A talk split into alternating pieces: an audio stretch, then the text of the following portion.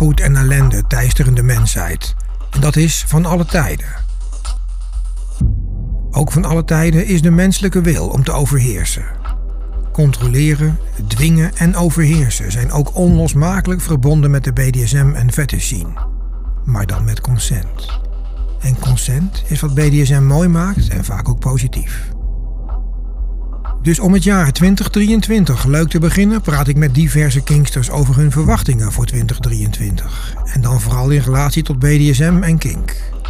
Opnieuw een gezellige podcast waar veel ruimte is voor humor, persoonlijke verhalen en de nodige diepgang. Welkom allemaal. Uh, dit nemen wij op uh, begin februari. Het is een niet al te gure dag. Uh, wat we niet hadden verwacht. Het zou een eigenlijk bittere winter moeten zijn. En we hebben de Blue Monday reeds achter ons gelaten.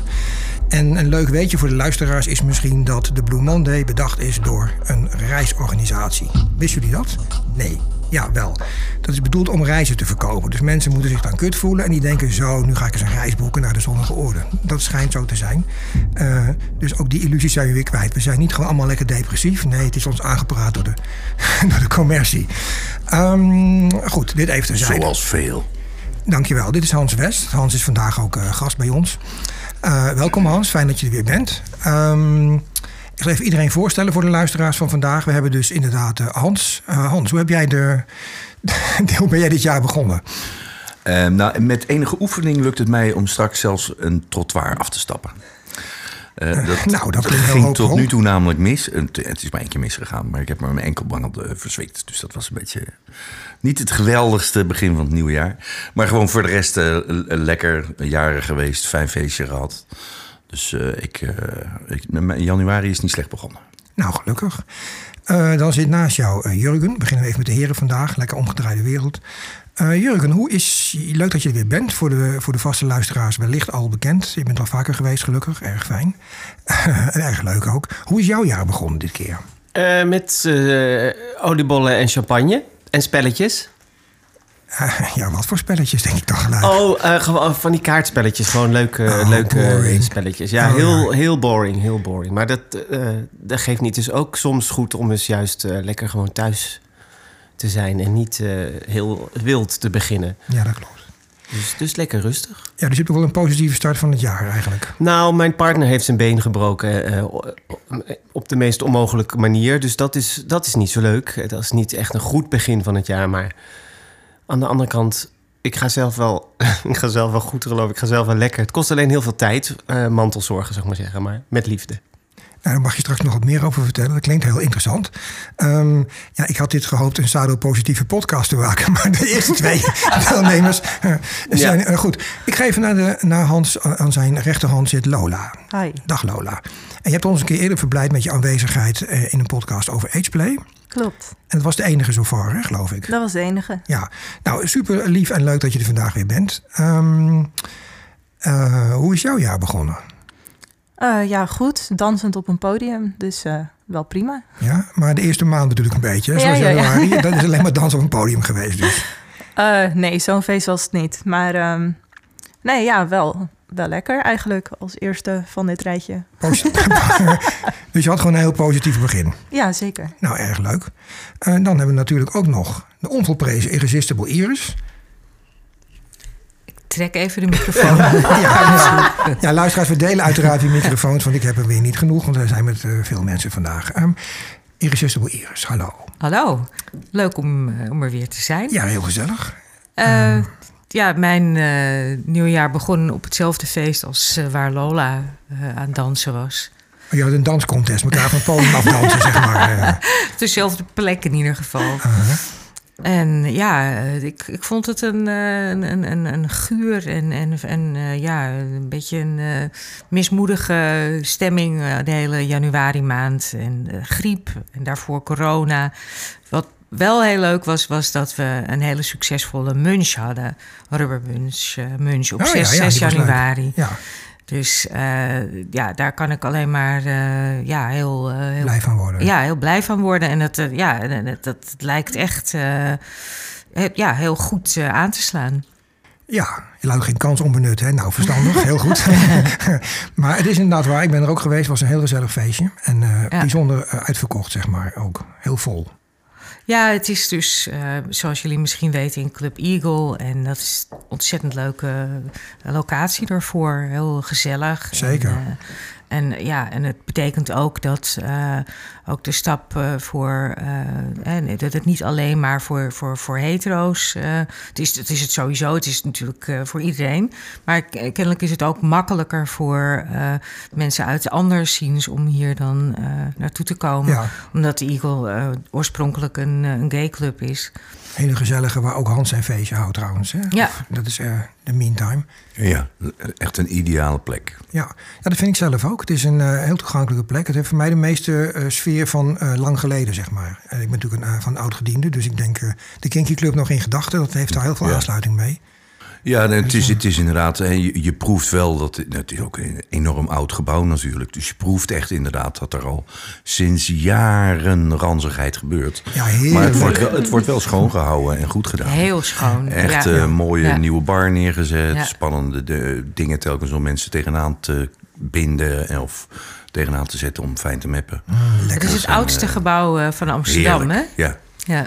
Maar wat mij altijd opvalt, want ik was er ook. Ik help altijd bij de, bij de Rubber Munch. Het klinkt een Ehm, beetje incest, luisteraars. Maar ja, het toevallig komt dat als, zo uit. Maar als ons kent ons. Ja. Maar het is echt een heel, heel erg leuk feest. En, en, ehm, maar wat mij altijd opvalt...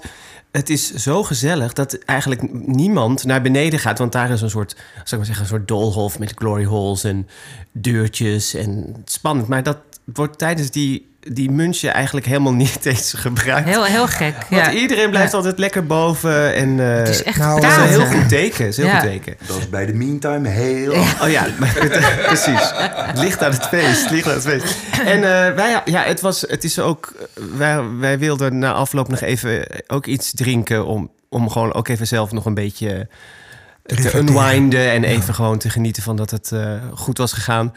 Maar dat, dat lukte eigenlijk gewoon niet. Want overal waar we binnenkwamen stond de muziek echt zo keihard... dat je gewoon überhaupt niet kon praten. Zeiden we, nee, dit was toch het, leuker dan dit kan het toch niet worden. Dus laten we maar gewoon naar huis gaan. Ja. nou, ja. verstandige keus. ja. Ehm, dan zijn we gebleven bij Miss Kaat. Eh, ook voor de vaste luisteraars geen onbekende. Miss Kaat is eh, helemaal uit het, eh, het eh, oosten van België hier naartoe gereden vandaag weer. Welkom Miss Kaat. Hallo. Hallo. Hi. Hoe is het met u? Goed, en met jou? Gaat je geen zak aan? hoe, eh, hoe ben jij het jaar begonnen? Ziek. Mooi. Ziek op de bank. Nou, luisteraars, Ja. positief. Ik denk dat ik er maar gewoon eh, een tyfus podcast was over. Ik bedoel, vertel. Je was ziek. Eh, ja, ik was gewoon ziek. Dus ja, dan lig je op de bank en dan uitzieken. En dan hoest je zodanig veel dat je dan twee gekneusde ribben hebt. En dan, ja, dan dobber je verder, hè. Ja, inderdaad.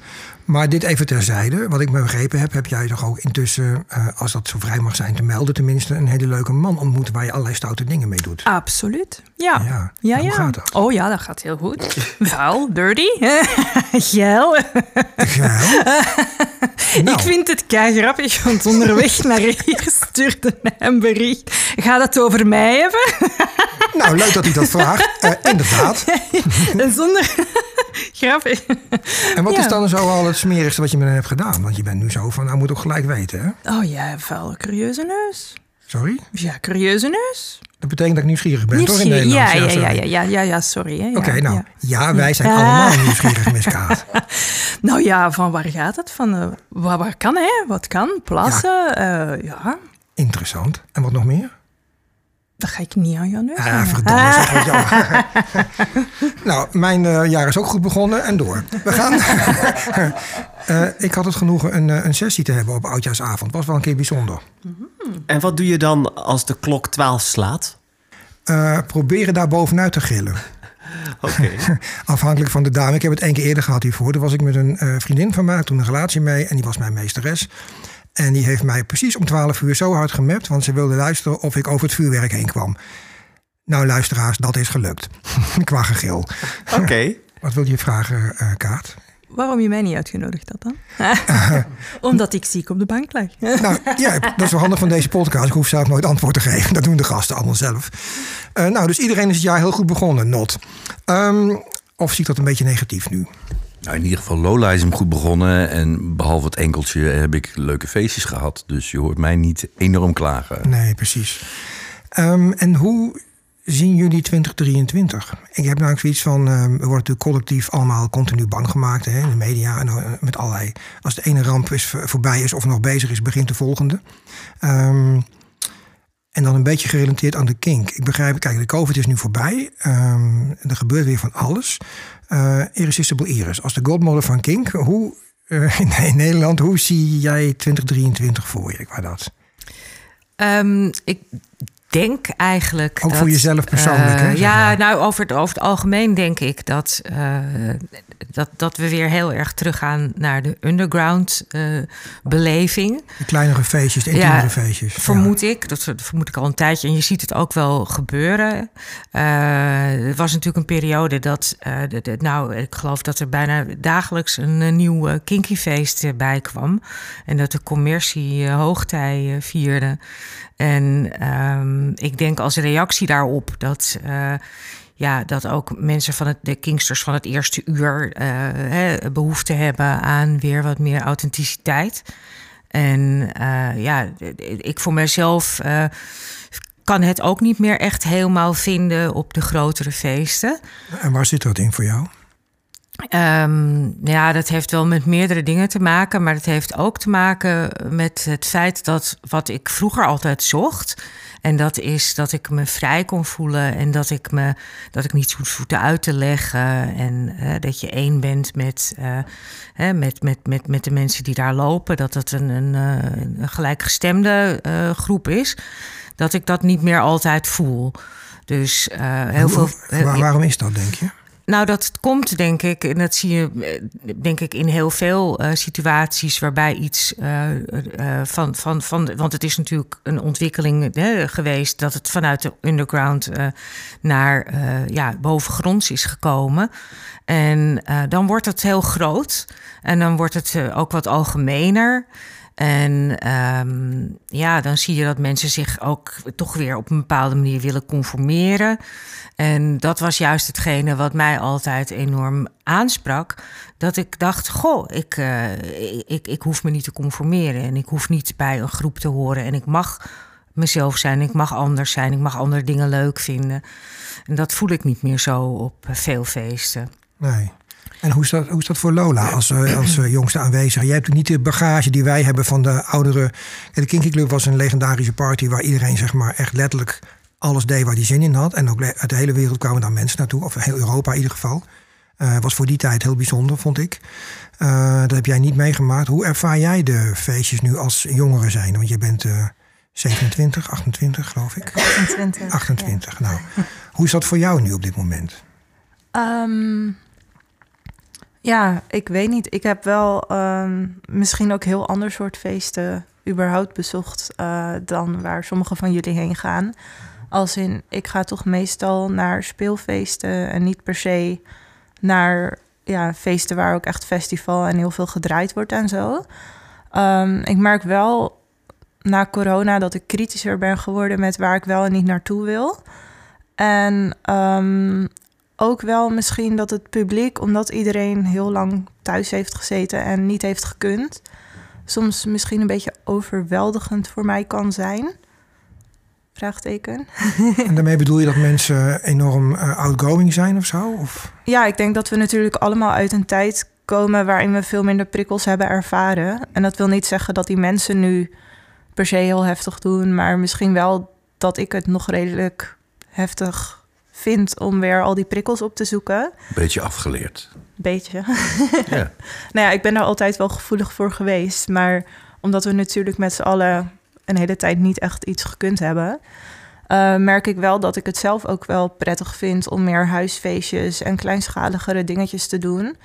Uh, ook omdat je voor je gevoel dan wel meer connect. En omdat ik het ook gewoon fijn vind om ja, inderdaad dan helemaal mijn eigen ding te kunnen doen en veel minder bezig te zijn met wie zijn al die mensen om me heen. Het is heel leuk dat je dat zegt, omdat ik denk dat um, dat bespeur ik persoonlijk bij heel veel mensen. Um, ik ga nog even aan de ander ook vragen. Hoe ervaar jij dat, Hans? Meantime is eigenlijk een van die feestjes die in mijn ogen synoniem zijn voor wat we nu bespreken. Hè? Nou, de kleinschalige... Ja, dat denk ik wel. En, en al sinds jaar en dag, maar gewoon uh, Ik, zeker. Het is, en, en het is ook zo, dat vind ik ook erg prettig. eh, het is zo lekker vroeg op de dag. Eh, vroeger ging ik eh, gewoon om één uur begon het feestje. En ja. dan, dan knipperde ik niet met mijn ogen als het half vijf werd. Dan had ik er plaats weer een keer een huisfeestje meegemaakt... waarin het, dat ik uiteindelijk om half vijf op bed lag.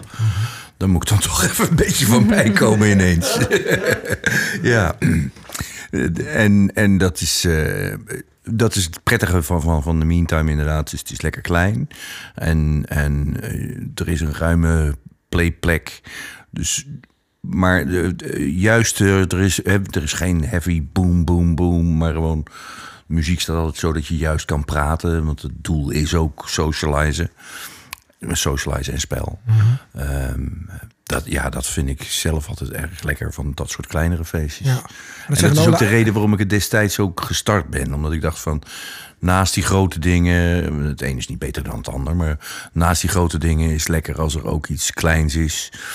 Plus dat ik het altijd wel prettig vond dat eh, op het moment dat je veel huisfeestjes... Daar kan heerst toch een beetje een sfeer af en toe van... als je daar als dominant je broek open ritst... dan is het een beetje, wordt er gekeken van, is dat wel de bedoeling?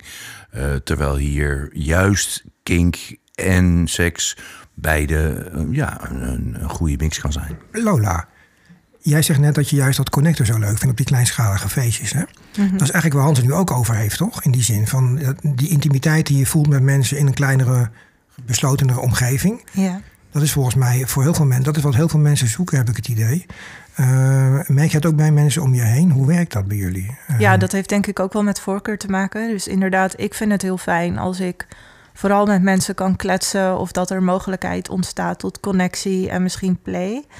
Ehm, ja, er zijn ook mensen die liever naar een groot feest gaan waar het vooral gaat om muziek en dansen.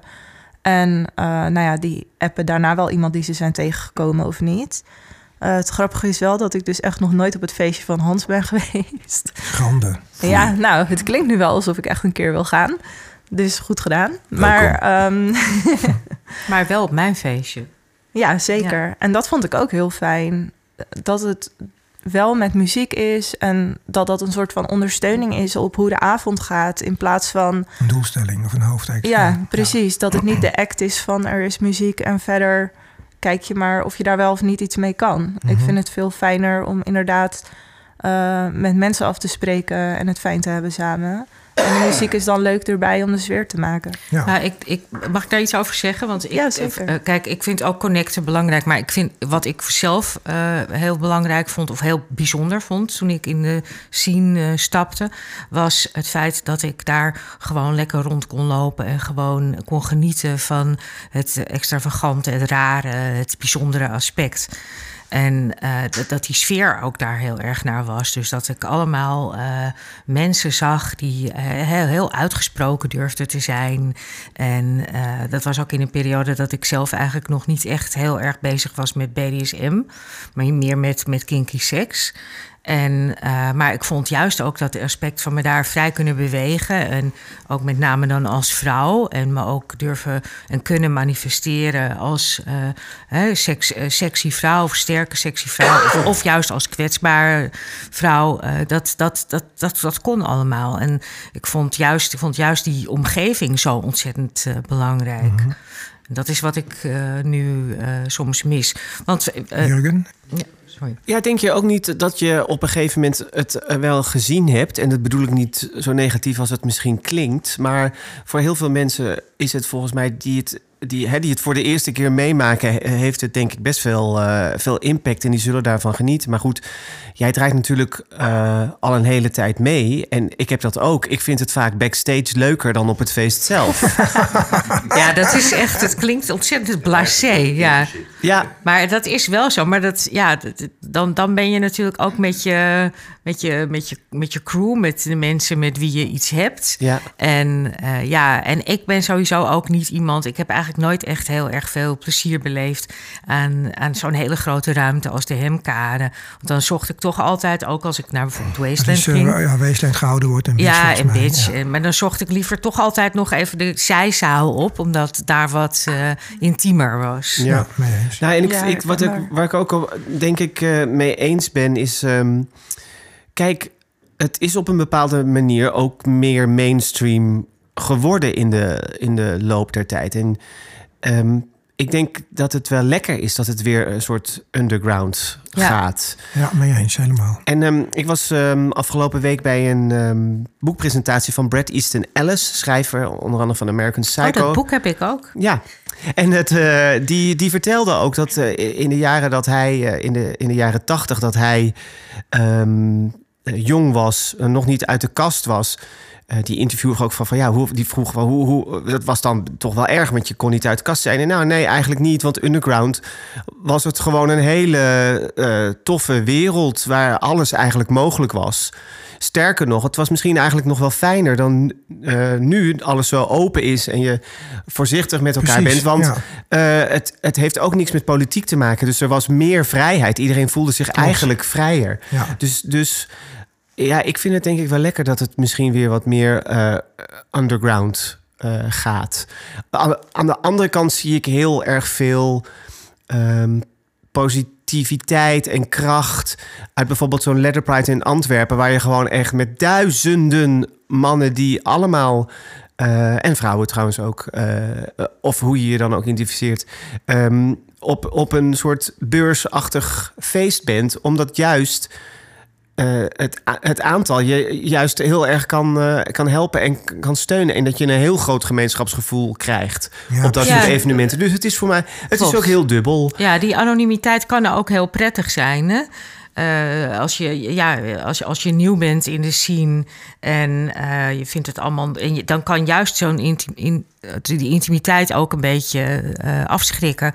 Dus dan is het misschien juist ook wel een veilig gevoel dat je gewoon op kunt gaan in zo'n hele grote menigte. En dat je rond kunt dwalen en hier en daar even stil blijft staan. En Miss Kaat, en eventjes, dat is interessant. Want jij in België, ten eerste ben je niet zo heel lang in de scene nog bezig. Hè? Klopt, ja, klopt. Eh, nou, we zijn naar een paar eh, wat intiemere feestjes ook geweest. Was heel gezellig. Maar Mhm. je bent volgens mij nog nooit naar een groter feest geweest. Hè? Nee, maar dat spreekt mij ook niet aan. Om, omdat ik denk, als je naar zo'n heel groot feest gaat, dat zou, ik zou dat te veel vinden. Ik zou te veel... Ik, er zou te veel op mij afkomen. Ik hou dat liever eh, eh, ja, klein, en, omdat die intensiteit ook heel anders is. En daar gaat het voor mij persoonlijk gaat het daarom. Dat gaat om die intensiteit en niet om dat je eh, weet ik veel hoeveel verschillende mensen in verschillende outfits dat verschillende kinks hebben. Daar gaat het mij niet om. Het gaat mij om het, om het kleinschalige, om, om, het, om de intensiteit van de beleving op dat moment. Ja, precies. Ja, dat is goed dat je dat zegt. Eh, sorry Hans. Even, want ik heb toevallig nu een, eh, een speelpartner die eh, komt uit de swingers zien. En die dame merkt dus ook dat zij natuurlijk al die grote feesten gewend met heel veel pillen en drank waar ze dolle pret hebben, wat prima is. Maar zij merkt ook dat ze dus nogal gecharmeerd is van de verstilde intimiteit die een sessie kan hebben Ja, binnen het. Ja, En dat maakt best wel veel indruk.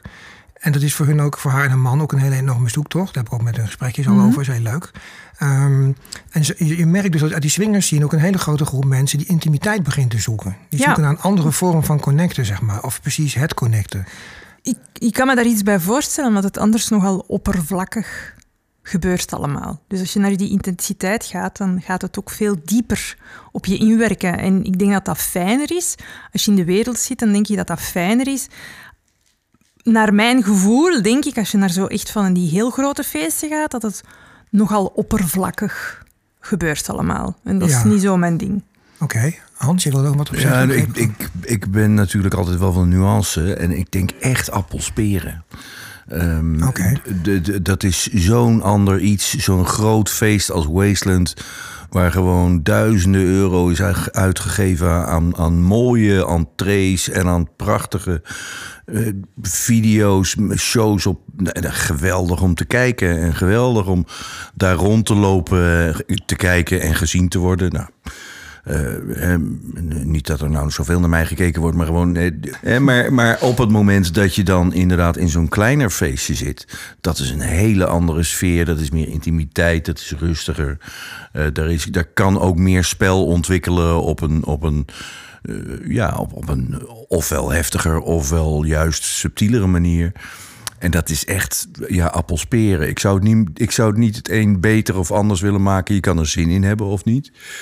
wat wel een ontwikkeling is volgens mij, is dat juist ook sinds COVID er heel veel mensen heel erg veel tijd hebben gehad om te fappen achter hun computer.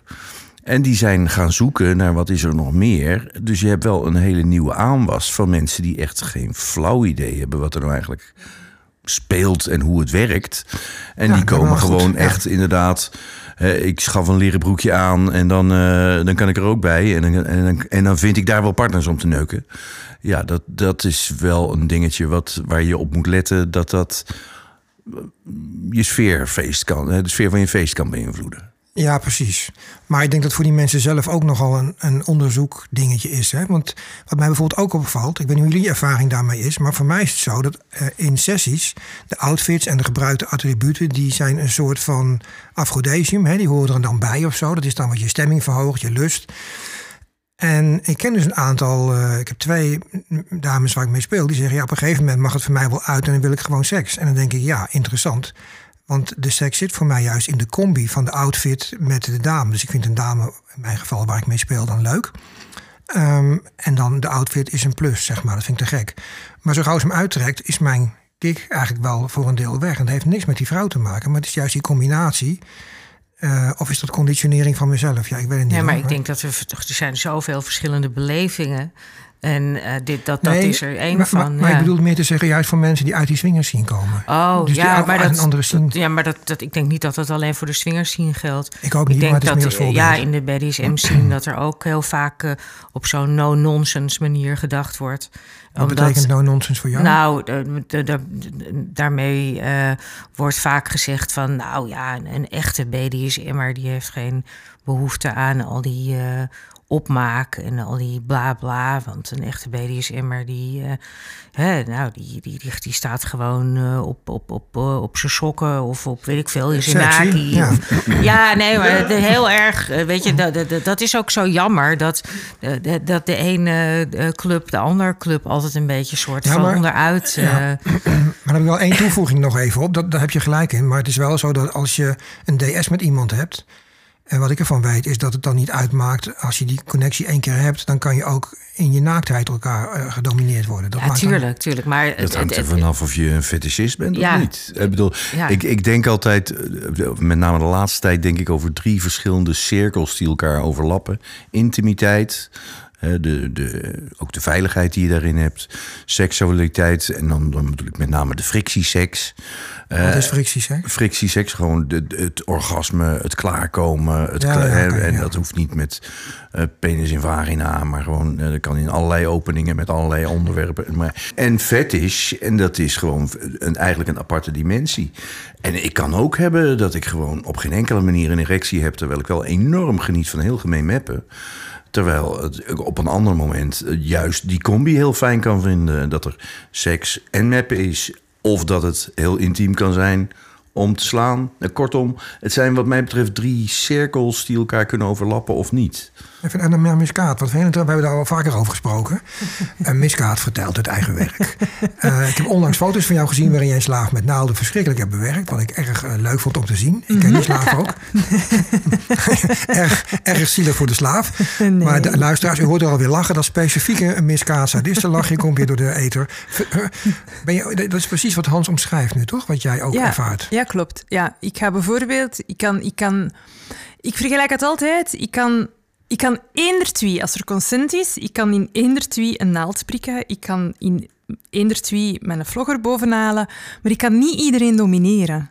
Dat zijn voor mij twee verschillende aspecten. Ik ga iemand kunnen domineren waar ik een heel fijne connectie mee heb en, en waar ik een, een heel fijn gevoel mee heb. Maar als Lola straks tegen mij zegt... Het is de eerste keer dat ik Lola zie. Als, als zij tegen mij straks zegt... Wil je mijn kon blauw zetten? Dan zeg ik, nou ja, kom. Kon blauw Absoluut. zetten is luisteraars met de zweep eroverheen. ik, ik heb daar geen probleem. Ik kan Nee, daar... Oh, geloof oh, ik. oh. Nou, leuk. Is een uitnodiging. Ik begrijp dat Lola Ik heb het straks... door, ja. Nou, succes daarmee. Dat wordt lachen. Ja, dat doen we wat wel ruimte. na de podcast. Ja, dat is goed. En het is, en het is niet om, omdat, ik iemand, omdat ik mijn sadisme ga, ga bovenhalen, dat daar lust bij komt. Dat zijn ook weer twee volledig andere aspecten. Maar de combinatie lust, liefde en BDSM is natuurlijk de meest heftige, toch? Dat is de meest is dat heftige. weer, eh, Ja, maar ik denk, ik denk wel dat die heel moeilijk eh, te, te, te vinden is, denk ik. Heb ik denk- geluk gehad. Ja. leven. Een paar keer, hè? Nou ja, en voor een one-night stand kan het toch ook heel leuk zijn als het een lust is en vet is. Precies. Ja, Niet al te veel intimiteit, maar genoeg om gewoon de grenzen te bewaken. Ik Ja. bedoel, dat, dat kan allemaal feest wezen. Ja. absoluut. Verschillend. ja. Maar, Het moet voor iedereen gewoon passen. ja. Ja. Hoe is dat voor jou, Jurgen? Want jij, ik vind jou altijd, ehm, eh, wat ik altijd heel leuk van jou vind, is zoals ik jou ken, dat je, ik zie je heel even oneerbiedig als een crossover tussen de, de, ja, de gay en de hetero scene. Ik blijf het zeggen, maar dat vind ik heel Nou, opmerkelijk. dat vind ik ben, ben wel trots op. Ik zeg eh, ook graag over mezelf dat ik fluïde ben. En het hokje ja, maar dat ben je dus homoseksueel vind ik eigenlijk... Ja, dat is- vind ik te beperkt gewoon. Ja, dus, eh, ja, zeker. dus dat is een mooi compliment. Nou, dat is je gegund. Maar ik was, Dank. even, ik was even benieuwd hoe dat bij jou werkt. Want eigenlijk heb ik dan volgens mij eh, weet ik daar niet heel veel herinnering aan. Of hebben we dat nooit besproken qua jouw voorkeuren eigenlijk? Ben jij in relaties eh, ook heel fluid? Of hoe gaat dat bij jou eigenlijk? Ehm, ik heb eigenlijk alles wel een beetje uitgeprobeerd. Dus ik heb ook een relatie gehad waarin, eh, waarin BDSM juist de basis was. Eh, en dat was een hele liefdevolle relatie. Heb ik tien jaar ehm, eh, gehad. Eh, maar dat, dan, dan, dan was, eh, ja, dat was de basis. Dus de SM was eh, de basis. Eh, die meester had ook een partner. En die, we waren echt met z'n drieën. Dat werkte heel erg goed. Ehm, juist omdat dat kader dan heel erg duidelijk is. Dus dat deed hij met mij en niet met zijn partner. Ehm, nu zit ik in een relatie waarin fetish en SM eigenlijk veel minder een rol speelt. Niet in de zin dat het niet door mijn vriend wordt erkend of dat hij niet, heel, niet precies eh, snapt wat het is of me, eh, of me niet vrij zou laten. Eh, en, er, en er zitten wel kleine, ja, kleine touches zitten er ook wel. Hij doet af en toe als, hij, als we op de bank zitten en dan kom ik wel kwispelend op hem af. Dat is wel leuk. Maar voor de rest is, is ons huishouden, zou ik maar zeggen, niet op ingericht.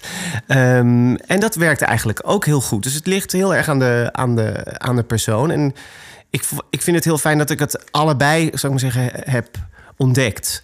En er zitten voordelen aan, aan, aan, aan allebei.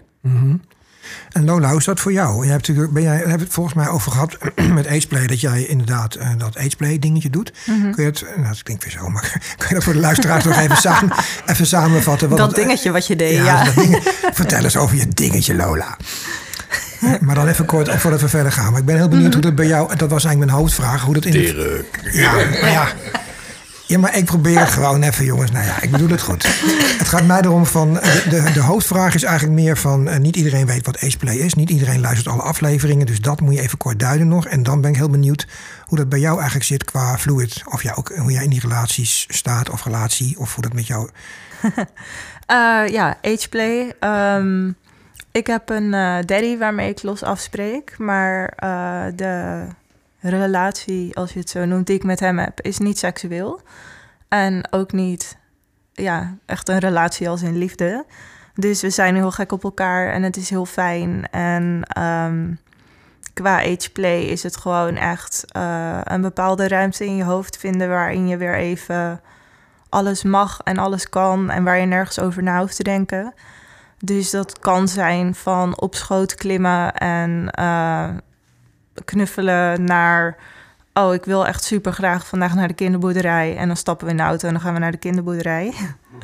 Eh, kleurplaten maken, maar ook gewoon, ja, samen winkelen, wel grote mensen dingen doen. En ehm, ja, het is gewoon een heel beschermd gevoel, heel fijn samen... Zonder dat je het gevoel hebt dat er echt iets moet of dat er seksualiteit achter zit te drukken en dat je iets daarin terug zou moeten leveren. Mag ik, mag ik iets vragen daarover? Tuurlijk. Eh, wat, wat, eh, wat, wat is het verschil wat je eh, met je daddy hebt? Die- Als je dat zo uitlegt, eh, eh, zou, zou je dat niet met, ook met je andere partner zou kunnen eh, beleven? Als in met mijn vriend bedoel je? Eh, ja? Ja. Ehm, ja, want er is ook een vriendin, dus ander verhaal. Ehm, ja, wel. Alleen... Alleen dat je zegt van, weet je, bij iemand op schoot klimmen of naar de kinderboerderij gaan. Ik kan me voorstellen dat je Mhm. dat ook met je met je, met je eh, partner zou kunnen doen. Wat, wat is het verschil? Ik denk wel dat heel de mindset heel anders is. Als in, eh, mijn partner is ook degene met wie ik gewoon samenleef. En dan ben je veel meer bezig met wat moeten we, wat, wat staat er op de agenda. En natuurlijk doen we ook leuke dingen zoals, oh, we gaan naar een feestje of we gaan hier of daarheen. Maar ehm, ja, ik denk gewoon dat heel de mindset, zodra ik mijn daddy zie, is het eigenlijk gewoon speels en playful daarin. En uh, ja, bij mijn vriend kom ik toch uit een situatie in het dagelijks leven waarin je toch met veel meer dingen rekening houdt. Dus bij hem ben ik ook vaak anders. En daarbij komt ook dat hij een klein beetje allergisch is voor uh, overdreven liddelgedrag. dus uh, in het heftigste geval kijken we een Disney-film als ik verdrietig ben. Um, en dan als ik dan ook moet huilen, dan is het wel... oh, lieverd, kom hier. En dan krijg ik kusjes. Maar dat is wel een beetje de max aan um, ja, klein zijn... wat ik daarbij in die emoties kan vinden in ieder geval. -hmm. Um, ja, dus misschien dat dat ook deels, Dirk, jouw vraag al beantwoordt. Nou ja, en een beetje nog uh, dat ageplay dus ook betekent dat jij als, laten we zeggen, volwassen vrouw een mm -hmm. rol aanneemt van een klein meisje van vier of vijf of zes, ik noem maar iets. Ja, ik zag altijd vier tot acht. Vier tot acht. maar wat ik, wat ik heel opvallend vind aan je verhaal, je omschreef het net als niet seksueel. Ja. Dus, dus jouw ageplay, um, en ik zeg jou omdat het Hè, jij speelt het zoals jij dat uh, mm -hmm. wilt. Dat is jouw uh, vrijheid en jouw keuze. Dat vind ik juist zo tof. Maar dat is dus niet seksueel geladen. Nee, ik heb ook op die momenten... Het is voor mij echt een soort... Wel een soort van blij kind wat naar boven mag komen... en waarin je inderdaad superveel vrijheid dan ervaart. Maar bij mij staan die kinderlijke gevoelens ook niet heel erg verbonden met... oh, ik heb borsten en een kut waar iemand aan moet zitten... of... Uh, ja, in die zin zeg maar, er hoeft niet dan ergens een piemel van aangetrokken te worden, want dan zou ik me heel anders gaan voelen. Voelt dan ook een beetje te jong voor de... ja, vier tot acht, dat is niet... Uh... Ja, maar waar, waar, haal je dan wel je seksuele prikkels uit? Is dat met je vriend of is dat met andere soorten van... je fluidness, met andere spelvormen of hoe werkt dat? Ja, ik heb uh, met mijn vriend heb ik wel uh, een DS die soms in meerdere en mindere mate aanwezig is. Net nou ja, zoals jullie misschien allemaal kennen, hoe het leven ervoor staat. Geen idee. geklop hier.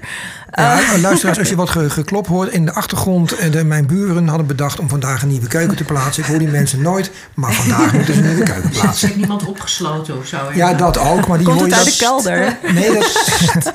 ja, ik, zoals je weet, Lola, heb ik geen kelder. Ik heb wel een kamer Nou ja. van de keuken. Het komt van zolder. Daar zit een slaaf of slavin te bonken die eruit wil. Jammer, joh. Oké. Eh, dat is het. Nee, vertel verder. Um, waar was ik? Nou, we hadden het over of iets seksueel geladen is. Of dat, Oh. of dat je je ageplay... eh, Of waar je dat dan haalde. Ja. Toen vroegen Precies. wij volgens mij van... Doe je dat met je vriend? Of je, daar was je over aan het vertellen. Ja, met mijn vriend heb ik dat heel erg juist. Ook best wel verschillende aspecten. Dus eh, qua, ik ben heel erg masochistisch. Dus qua impact play, ehm, degrading. Ja, je kan het zo gek niet bedenken. Of eh, samen doen we heel veel dat soort connectieve handelingen. Heel droog gezegd. Ehm, maar we, moeten kijk, impact play hebben we nog nooit als fetish behandeld op die manier. Wat moet ik mij voorstellen bij impact play? Ik heb het een klein beetje al met andere podcasts die nog komen opgenomen. Maar oké. kun je een klein beetje toelichten? Want Mhm. zoals ik het heb meegemaakt, ik heb het gezien, vond ik het heel naar om te zien. Naar. Ja, er wordt echt een vrouw geschopt door twee mannen bijvoorbeeld. De kamer doorgetrapt. Nou, dat hoeft helemaal niet zo nee, heftig. dat eh. zeg, ik, dat zeg ik ook niet. Maar ik geef het als voorbeeld, dat heb Ah, ik gezien. Ja, en dat play is een verzamelnaam natuurlijk. Ja, Ja, dat- niet gelijk aangevallen voelde Iris. ik, noem even iets waar zij ook geen... Naar is, zeg je. En, en je treft hier wel een aantal mensen tegenover je die het zelf erg prettig vinden aan de een of aan de andere kant van de zweep. Ik hoor me dat Hans ook in. Nou jongens, ik word het Ik helemaal leuk. Hallo. Luisteraars, ik heb er niets mee. Maar nu krijgen we een uiteenzetting van de gasten. Lola, ga verder. Eh, ja, bij ons is impact play vooral ehm, het slaan met handen, attributen. Je kan zo gek niet bedenken of je kan er map mee uitdelen, zeg maar. Eh, en eh, ja, ik geniet daar heel erg van om dan aan de kant van de zweep te staan waarbij ik helemaal blauw word. Zo uitgelegd, denk Oké, ik. interessant. Ehm, Ik zie Miss Kaat heel blij lachen. Die komt helemaal los. Het is ongelooflijk. ja, Miss Koud, dit wordt nog wat hoor, straks. ik heb het onthouden. Ik heb een fijne collectie zweven ter beschikking. Dus leef jullie uit, dan drinken wij nog even gezellig een Eh, koffie. maar jij hield toch niet van Impact Play? Heel Eh, naar om te zien. Dat klopt, maar wat ik ervan heb gezien, was het dus best naar om te zien. Ik heb het Hij niet... hoeft niet te zien. Nee, ik hoef niet te zien, dat snap ik. Je hebt Maar ook blinddoeken, toch? Maar ik denk, ik denk, vreselijke vrouwen, echt. maar ik denk dat jij ook van de Impact Play houdt. Dat dacht ik, wou ik ook niet Ja, zeggen. volgens mij zit dat ook in jouw palet, ik maar zeggen. Ja, om te geven. Ja, om- nou ja, dat denk ik. Ja, dat, dat, dat Nee? ik, jij Ik bent toch. Miss Karen zit, nee, te schudden. We hebben al eens samen sessies gedaan. Vertel, wat, waarom vind jij van niet? Kalistiet? Oh ja. Oh ja. Ja, ze heeft zo'n dingetje wat je dus... Hoe, hoe kan je het best omschrijven? Wat een kleren ding wat jij hebt? Nou, het is een, het is een, eh, een, een, een, een balring of een kokring met allemaal eh vijsjes. En die kan Schroefjes, je, schroefjes, schroefjes. ja, schroefjes. En die kan je aandraaien. Dus dan komen er overal pinnetjes, prikkeltjes in. en daar hangt dan onderaan ook nog een gewicht aan van, denk 700 gram of zo. Ja, maar dat is een eigen, dat is eigen, Ja. eigen plezier in Dus te vullen. dan, ja, dus dan kan je, je, kan het, je kan het gecombineerd gebruiken. Of enkel de ring met de, met de schroefjes. Ja, of je hangt er ik, ook ja. nog het gewicht Maar dit, aan. maar dit valt dan weer niet onder is, toch Impact meer, Play. ja, het is toch meer kok en bol torture? Ja, dat vind ik. Maar goed, leuk, interessant. Wat valt... Oké, Hans, wat valt onder Impact Play? Impact is als er een klap wordt uitgedeeld. En dat kan een harde klap zijn, of met de hand, of met stokjes, of met het plank, of met zwepen. Ja, Eh, dus impact, impact. een schop is ook een impact. Ja, luisteraars, ze En komen helemaal los. Iedereen begint elkaar hier te meppen, zeg. Het, het, het maakt ook vaak geluid. Aan de ene kant aan het moment van impact. En aan de andere kant wil het ook nog wel eens geluid maken uit de mond van degene die. Wat jij ook beschreef met de en nieuw. Dus ik, zo heel verschrikkelijk lijkt het allemaal ook niet te vinden. Ja, maar ik vond het helemaal kut, daarom is het ook uit. Sorry. Nee, even serieus. Heb je je dus laten slaan zonder dat je het tof vond om geslagen te worden? Nou, daar zal ik eens even een mooie toelichting op geven, Hans. Ehm, ik heb mij door elke domina waar ik ooit onderdanig aan ben geweest... heb ik mij laten slaan voor hun plezier. Ik vind het namelijk als een van de weinigen geen zak aan om geslagen te worden. Ik doe dat omdat ik weet dat zij erop kikken. Maar dat is een manier van onderdanig kick. Je, Ja. je kunt kicken omdat je iemand iets geeft. Je kunt kicken omdat je je eigen kracht kan voelen in de impact play. Precies. Je kan kicken omdat masochisme lekker is voor jou. Ja, maar er dat- zijn verschillende redenen om het te doen. Ja, maar het is je- voor mij het is wel iets wat je, wat je voor haar deed. Klopt. En wat je dus ja, heel lief van je, maar zelf niet inderdaad prettig vindt. Maar je vindt het prettig om het voor haar gedaan te hebben. Ja, dat, ik vind dat het bij het pakket hoort. Als je een DS met iemand aangaat, dan zeg je nou, ik ben jouw sub. Daar maak je in principe een basisafspraak over, met grenzen. Ik ben zo niet over pakketjes. hè. Nee, dan noem ik het anders, weet ik veel. Maar Nee, maar ik vind het juist zo belangrijk dat mensen gaan kijken naar van. Ik kan mijn manier van BDSM beleven. En daar kan dus masochisme in zitten of niet. Ik ken mensen die zijn gewoon enorm onderdanig. En, maar die hebben echt niks met pijn. Ik ken, ik ken eh, ik heb een, een, een spel gezien van mensen. eh, jurk werd kapot getrokken. Met een grote zweep werd geslagen. Een zweep van heel trouw, zacht materiaal trouwens. Dus Ja, je wist, het ja. doet geen pijn. Maar ze gingen helemaal voor de fetish. En niet voor de pijn. Nee. Ik ken mensen die houden enorm van in hun ballen getrapt worden. En ja, die hebben verder niks met DS. Jurgen, Nou, ik denk ook dat het ermee te maken heeft. Jij geeft aan dat je het niet prettig vindt om naar te kijken. Maar dat kan ook nog. Hè? Ik, ik schrik soms ook wel eens als, als er iemand eh, of een aantal mensen aan het spelen zijn. Dan denk ik, wow. Maar als ik het zelf zou moeten eh, ondergaan, dan zou ik het denk ik heerlijk vinden. Dus het er naar kijken is oh, ook slet dat je bent. is ook, iets, is ook iets heel. Is iets, iets, iets heel anders. Dus misschien ziet het er akeliger uit. Eh, dat dat kan, kan volgens mij ook. Maar het kan ook heel sensueel eruit zien. Ik heb ook eh, ik heb zoveel verschillende vormen van impact play gezien. Waarbij je inderdaad soms denkt van nou, dit is een dans tussen twee mensen. Het is zo mooi. En ja, dan ben je eigenlijk niet aan het nadenken over de impact. Maar dan ben je aan het kijken naar wat er gebeurt, wat er ontstaat. Klopt, dat heb ik ook gezien. Maar ik keur het ook niet af dat ik het er naar uit vind zien. Hè? Mensen doen moeten natuurlijk zelf weten. Maar het is voor mij meer zo van... dat ik niet helemaal een beeld had, want daar ging het om wat Lola omschreef. Dus ik ben, jij zegt, ik vind het mooi als ik blauw word enzovoorts. Nou ja, Ja, maar je hoeft ook iemand natuurlijk niet blauw te slaan. Je kan ook... eh, ik, ik, zie miskaat te- teleurgesteld. Nou ja, in, in, in eh, tegenstelling tot miskaat ben ik ook helemaal niet van ah, iemand heel her- erg hard slaan met nee, een zweep. zoals ik jou ken, ben je juist 180 graden. Jij domineert met, met wie Met, je al, ja, met anderen. Ik vind het wel fijn om met mijn handen te slaan. Maar ik ben niet iemand die specifiek ervan geniet om, eh, om heel hard met een zweep te slaan. Nee. Miskaat wel, hè, toch? Volgens mij. Of... Eh, ja, absoluut. Dat, dat ga ik niet ontkennen. Dat Dat niet. ga ik niet ontkennen. Maar er zijn ook wel, ik heb ook wel mijn grenzen. Eh, ik, ga, ik ga ook niet iemand eh, dat, dat, je, dat je het bloed er ziet aflopen, of dat ga ik ook niet doen. Maar ik kan wel genieten van een zweep of, of, eh, of paddle of vlogger of whatsoever. eh, en daarmee slaan. Ja, ik kan daar wel van genieten. Ja. Mhm. Ja, tuurlijk. Ga je gang. Eh, misschien is dat sowieso een interessante vraag.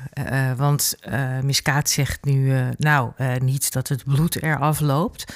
Wa- wa- Wat, eh, ja, wat maakt dat dat een grens is? En wat zijn grenzen? En hoe ervaren wij dat? En wat eh, is, is er dan... Ja, dat wordt podcast 126. Ja, nou ja, dat is, dat, is wel iets wat je zelf in, eigenlijk ook al een beetje impliceert. Hè? Als je zegt van ik vind het heftig om er ergens naar te kijken. Ehm, ja, hoe, hoe, bele- hoe beleven wij als, als, als kinksters dat? Wat eh, zijn we dan zo ruimdenkend dat we zeggen van nou ja, eh, hè, ik, ik, ik vind- alles oké. Of vinden Binnen we sommige consent, binnen consent vind ik alles of oké. vinden we sommige dingen niet oké? Nou, dat is een interessante vraag. Hoe denken de anderen daarover? Nou, ik, ik, ik, hou, ik, ik hou er ook wel van om heel stevig aangepakt te worden. Ik ben vaak heel trots ook op blauwe plekken of streamen of wat dan ook. En ehm, het wordt alleen lastig. Ik moest een keer naar de dokter en... ehm, Oh ja, ik me dat toen weer aange- aangekleed en toen zei de, zei de dokter toch even... ja, ik geloof dat ik jou toch eventjes een vraag moet stellen. Word jij thuis mishandeld? Eh, en toen heb ik wel gezegd, ja, dat klopt inderdaad, maar volledig uit vrije wil. En eh, eh, ik heb ook een tatoeage waar Sleef op staat, op mijn rug. Dus die heb ik toen ook laten zien. Toen was het allemaal... Toen zei die dokter, kom maar eens even hier. Ja, precies. Nee. Maar ehm, ja, je bepaalt dat volgens mij zelf. En dat is ook de kunst ervan. Hè? Ik vind dat ook. ehm, ik, ik vind kinky seks vaak een soort hogeschool of universiteit van seks. En als je Klopt, ja. op zo'n randje loopt, als je het heel goed doet, is het fantastisch. Maar je moet er niet afsukkelen, want dan is het vreselijk. Ja, dat is een, Ook- mooie, dat is een mooie metafoor. Maar Ja. even nu in de praktijk. Hoe, hoe gaat dat dan in zijn werk, dat afsukkelen? Hoe zie je dat voor je? Want, Nou ja, bijvoorbeeld stel je speelt met iemand die zelf het heel erg leuk vindt om met een zweep te slaan. En je merkt dat dat, dat, dat slaan te ongecontroleerd is. En je oor Ja, wordt er afgeslagen, bij wijze van spreken. Snap je? dat? Ja, dat is dan wel verkeerd gemi- gemikt. Eh, niet goed gedaan, niet met beleid. En ik ben dan volledig uit het spel. Dan houdt het gewoon eigenlijk op, want ik kan me niet meer overgeven. nee, snap je. Dan ben je door de onkunde van de dominant of de, nou, de misslag, zeg maar, ben je zo afgeleid. Ja. Ja, En dat niet alleen. Ik denk ook, soms is die grens zo dun. Als die overschreden wordt, dan heb je ook wel een probleem. Hè? ligt dus toe. Ja, als je, als je hè, bijvoorbeeld als ik, als ik met, mijn, met mijn slaaf een, een sessie heb, ik weet perfect tot waar ik mag gaan. Maar ga wat als ik- overheen. Maar wat, ja, maar wat als ik daarover ga in mijn enthousiasme van mijn sadisme? Wat als ik daarover ga? Ik kan ook wel schade aanrichten. En dat is exact waarom dat ik daarnet zei. Ik heb ook mijn grens en ik ga mijn grens altijd nog net iets meer terugschroeven om zeker te zijn dat ik er niet over ga. Als iemand mij puur consent zou geven en die zegt tegen mij: Je mag, je mag mijn kont aan grutten slaan. Ik zou vragen: Je bedoelt Ben je helemaal- zeker? Ja. En dan zou je doen. En dan zou ik dat wel doen, ja. Ja, Oké, nou dat is duidelijk. Ehm, maar Lola, we hadden het over jou met de Impact Play. We hebben natuurlijk dat even van jou gekaapt, dat verhaal. Hè? Want eh, dat is natuurlijk een beetje weggelopen nu. Is maar- oké. Ja, ehm, herken jij je in de verhalen van de vorige, voorgaande verhalen? In welk opzicht? In hoe nou, ik... zoals, eh, zoals iedereen erover praat, dat het dus inderdaad... ehm, ik gaf aan dat ik het nogal ehm, een nare ervaring vond... om soms mensen dat te zien doen, zeg maar. Daar kreeg ik heel veel reacties op. Eh, maar jij was aan het vertellen over jouw beleving van Impact Play. En Ja. Ja, het is dus wel grappig, want ehm, ik kan, denk ik dat we dat wel kunnen stellen, dat ik best wel veel kan hebben qua uh, impact. Le leuk, miskaat. nou, dat is dan weer genieten voor jou straks. Maar ik kan er dus ook heel slecht naar kijken bij anderen. Ik vind, um, als je het ook over grenzen hebt, ik uh, zeg zelf altijd tegen mensen met wie ik uh, speel dat huilen voor mij geen stopwoord is. Dus dat het niet erg is als ik ga huilen. Maar als ik andere mensen zie huilen tijdens impact, dan denk ik: oh god, nee, ik kan dit niet zien. En dan wil ik eigenlijk het liefst van plek wisselen. Dat ik denk van oké, nou doe dan maar op mij of zo. Maar ik wil echt niet iemand anders zien huilen. Dat kan ik echt niet tegen. Ah, dat is wel heel lief. ja, en heel vervelend. Want dan heb je dus van die dominanten die dat doorhebben. En die je dan laten kijken en zo. En die dan zeggen, kom maar eens hier meisje. ja, ga maar kijken, ogen open houden. Ja, zielig hè? Helemaal kut. Ik was een keer, uh, ik was een keer uh, bij uh, de showboot, was ik een keer. Uh, en daar werd, uh, ja, ja. Wij, wij, liep, ik liep daar toen met mijn meester liepen wij daar beneden zo'n beetje fijn, rustig rond. En daar werd een, een vrouw die werd ook uh, aan gruten geslagen. en um, die, die riep toen uit: Oh, nou kan ik de hele week niet fietsen.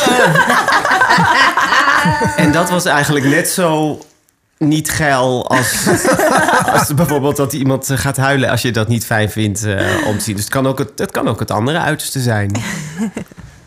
Je had nog een vraag voor Lola volgens mij, toch, Jurgen? Oh ja, want je vertelde laatst uh, over je uh, relaties en ook dat je een vriendin had. Mm -hmm. wat, wat, hoe zou je dat uh, omschrijven? De relatie met haar. Um, ja, het is wel grappig, want dit is dus gewoon een soort van op mijn pad gekomen zonder dat ik er naar zocht. Als in, um, ik um, deel wel vaker met mijn vriend iemand. Dus uh, we hebben wel vaker mensen over de vloer. En ik was nog nooit echt verliefd geweest op een vrouw. Maar op de een of andere manier voelde ik dat bij haar wel. En um, met z'n drieën was het uh, op dat moment helaas niks geworden. En toen dacht ik, ja, als dit nu wegvalt, hoe voel ik me dan eigenlijk? En toen merkte ik dus dat ik super verdrietig werd. En dat ik dacht van, hé, hey, maar ik wil haar helemaal niet kwijt. Dus, uh, nou, een tijdje eroverheen en goed in contact gebleven. En uh, vanaf daar zijn we eigenlijk met z'n tweeën gaan kijken, zij en ik, hoe uh, wij met z'n tweeën kunnen matchen. En daar heb ik nu al meer dan een jaar ook een hele fijne relatie mee. Um, ik vind het wel soms lastig om aan te duiden hoe het dan zit, omdat ik met mijn uh, primaire partner, dus mijn vriend met wie ik woon, heb ik heel duidelijk dat als er ja, als we seksualiteit beleven, dat hij de dominant uh, is en de touwtjes in handen heeft en dat ik uh, submissive ben. En bij mijn daddy is het ook wel, ondanks dat er geen seks is en dat het niet op die manier werkt, is er wel echt een caretaker en ja, klein meisje rol. En met haar is het best wel fluid. Als in, um, zij doet heel erg aan needle play. Um, en zij doet dat op mij. Dus dan voel ik me wel een soort van, ja, niet submissive, maar wel degene die ondergaat. En zij die bepaalt wat we doen en wat er gebeurt. Terwijl we ook daarna op een feestje kunnen zijn en ik haar wel voor de grap uh, een tik geef met een zweep, zeg maar. Dus het is niet vanilla, maar het is ook niet gedefinieerd in wat we van elkaar zijn. En eigenlijk vind ik dat heel erg prima. Maar needleplay is dan niet echt vanilla, laten we eerlijk zijn. Nee, precies. Dus wij hebben niet een vanilla relatie, maar we hebben ook niet gedefinieerd, zeg maar, wie wat is. In die zin. Dus we gaan normaal met elkaar om. Niemand stelt zich dominant op. Uh, maar we hebben wel spel waar we dan uh, aan doen, waarin het dan toch neigt naar dan de een iets meer en dan de ander iets meer. Leuk. Zoiets. Je ziet het wel vaker, vind ik de laatste tijd. Juist dat, dat uh, fluid, gewoon fluidity in, in hetero-homo uh, wensen of in subdom kanten of in sadomaso kanten. Dat dat gewoon veel meer een ding is. En het, volgens mij heeft het ook wel een beetje te maken met in mijn tijd uh, moesten dingen echt nog bevochten worden, ja, zal ik maar zeggen. Er moest er een plek gemaakt worden. En er is nu veel meer zoiets van whatever makes you go. Uh, wat, uh, wat is je kick? Waar, waar, waar, heb je zin in? En mooi, ik vind dat een hele mooie ontwikkeling juist. Ik vind het ook super mooi dat dat er kan zijn. Ik heb wel zelf met Haarst, omdat we heel verschillende dingen doen, dat we dus inderdaad kunnen wisselen in wie een soort van de broek aan heeft. Maar ik zou het wel lastig vinden om met een persoon, nou bijvoorbeeld mijn vriend, hij is altijd dominant over mij. Dus dan zou ik niet met hem meer kunnen wisselen, zeg maar. Voor mij is dat wel echt, als ik voor iemand tot een bepaald punt ben gegaan of me overgeef, dan kan ik niet meer met diezelfde persoon makkelijk switchen. Persoonlijk kan ik dat helemaal invoelen hoor. Dat heb Ja. ik precies zo. En hoe werkt dat voor de anderen eigenlijk? Dus jij bent, ben jij dan zeg maar basically in je subrol en heb je zelf ook partners die onderdanig aan jou zijn? Of is het, ben jij hoofdzakelijk in je subspace ding? Ehm, ik zou mezelf wel voornamelijk omschrijven als sub. En ook wel, daar haal ik, zeg maar, als ik aan BDSM doe, haal ik daar het meeste plezier uit. Maar ik ben in het dagelijks leven best wel een dominantere persoonlijkheid. ik zie hier ook rollen. Ja, inderdaad. Luisteraars, dat weten we. Ehm, dus het is niet dat die kant er bij mij helemaal niet zit. Het is alleen, ehm, nou ja, wat eh, ik denk dat Iris dat ook zei. Ehm, ik heb als dominant niet zoveel met zwaaien met een zweep of zo. En in die zin vind ik het dan wel moeilijker om soms te connecten, omdat er gewoon bij heel veel mensen in zit. Eh, zo van, oh, het is SM, dus je moet een zweep vasthouden. Als dominant heb ik dat dus ook helemaal niet, dat ik daar heel blij van word. Terwijl ik dat als sub dus juist wel heel erg heb. Ehm, dus ik vind het wel vaak moeilijker om met iemand mijn dominante kant meer te ontdekken. Omdat ja, impact play wordt vaak wel gezien als een van de middelen om inderdaad ehm, bij mensen er dan toch bovenop te zitten. Of in berichtjes dat mensen toch wel sturen van... oh, maar ga je me dan slaan en zo. En dan denk ik, dat hoeft niet per se voor mij. Ik vind het mentaal veel interessanter als dominant. Maar ook wel heftig schakelen tussen het sub zijn... wat ik normaal eh, eigenlijk het liefste voel. Dus in die zin laat ik dat wel een beetje liggen. Ik vind, ik vind het een heel interessant eh, dingetje. Ja, mag ja. Ja, ik vind het heel herkenbaar. Maar jullie, ja. Jullie mogen allemaal antwoord geven. Maar wat ik zo meteen heel graag naar aanleiding van dit verhaal ook nog even wil doen, is voor luisteraars even duiden. Want dat is volgens mij nog steeds. ehm, hoe kunnen wij straks aan luisteraars uit gaan leggen dat, eh, dat, het voor, eh, dat wij het zien als een soort eh, spel? Ik zie het altijd als sessies, maar goed, als een spel. En dat het niet iets is wat levensbedreigend of levensingrijpend is op een manier zoals het vaak overkomt. Dus het is meer een bijna afgesproken ding, zeg maar. En daar zit volgens mij nog heel veel onbegrip bij mensen die, dit, die naar de podcast luisteren in, vaak. Dat ze niet snappen eh, hoe dat dan allemaal kan. Dat je iemand zomaar pijn kunt doen, dat die persoon het zomaar fijn vindt. En dat het inderdaad meer een spelletje is dan een spelletje. Nou, dat snap je bedoel. Er zit heel veel onbegrip bij mensen. Mag ik hier stuk. meteen op reageren? Maar natuurlijk. Oké. Ehm, voor mij is het juist heel erg ehm, iets waar ik naar uit kan kijken. En iets waar ik het samen over kan hebben. Eh, ook als we het druk hebben gehad en het is van... hé, hey, oké, we hebben een vrije avond. Zullen we gewoon fijn samen ja, BDSM'en? Ehm, maar het is bij mij iets waarin ik juist heel veel rust kan vinden... en eh, waar ik me heel vrij in kan voelen en waarin ik echt super met iemand eh, connectie kan aangaan. En het is juist bij mij ook wel dat ehm, het doen voor iemand anders of jezelf heel erg geven, dat zorgt ervoor dat je super verbonden bent en dat eh, vaak uiteindelijk dan mijn partner trots is op mij en ik trots ben op mezelf. Dus eigenlijk is het iets wat heel erg uh, openheid en ook groei naar elkaar en elkaar weer echt even terugvinden in de hectiek van alles. Um, voor mij in ieder geval uh, veroorzaakt. Waarbij ik dus juist zoiets heb van, ja, ik kan dan niet snappen dat je het als niet goed kan zien. Als in, ik wil het heel graag, hij wil het heel graag, we worden er samen blij van. Dus in die zin is het echt het verste van huiselijk geweld wat ik dan zou kunnen omschrijven. Ja, wat, wat mensen vaak zien, eh, dat is ook zo grappig. Hè? Je ziet iemand die dan een bepaalde pose of pijn of iets ondergaat. Terwijl dat waarnemen is dus heel anders dan het feitelijk ondergaan. En daar zit een groot verschil in. Maar daar wilde Hans ook iets over zeggen, geloof ik. Of... Ja, nou, wat ik altijd zeg is: het is een, het is een soort van uh, taart. Uh, een, je hebt een stevige cake nodig van gelijkwaardigheid.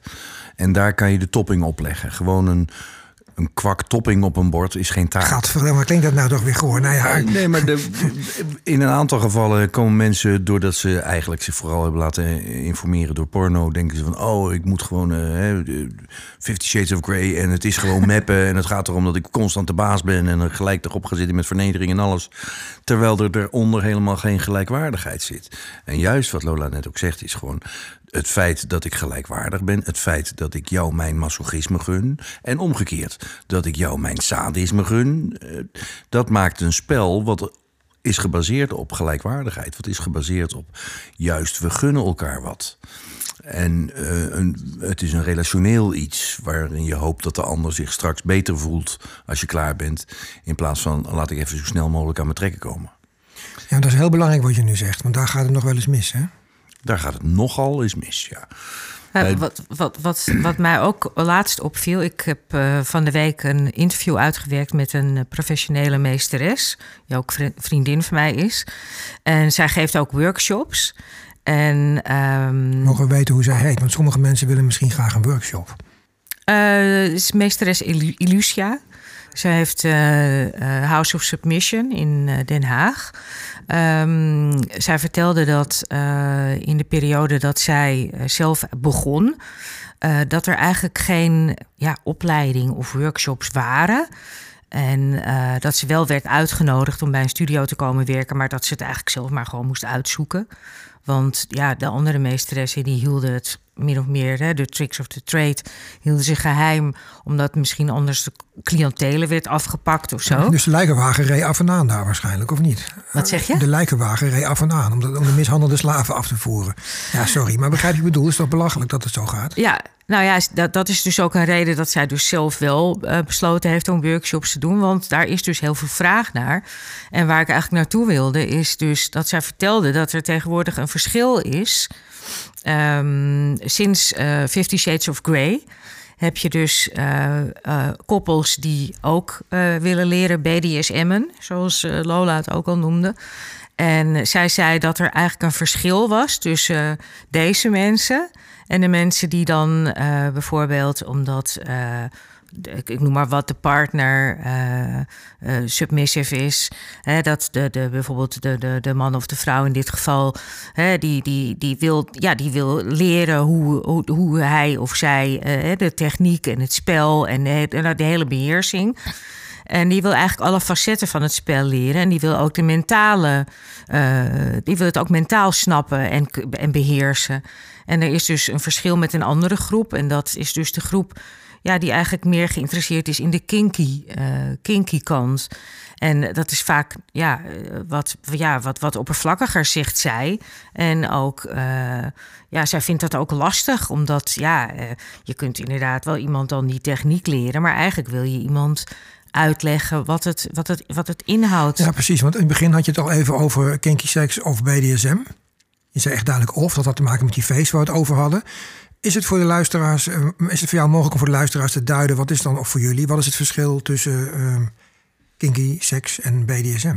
Nou, ik denk dat het, heel, dat het heel goed samen kan gaan met ja, dat elkaar. denk ik ook, maar blijkbaar zit er toch dan een waarneembaar verschil in of zo? Of? Maar ik denk dat als mensen er echt naar streven om serieus een, een BDSM-relatie aan te gaan, dat het niet meer alleen om de kinky seks gaat, maar dat het om een veel breder uh, plaatje gaat.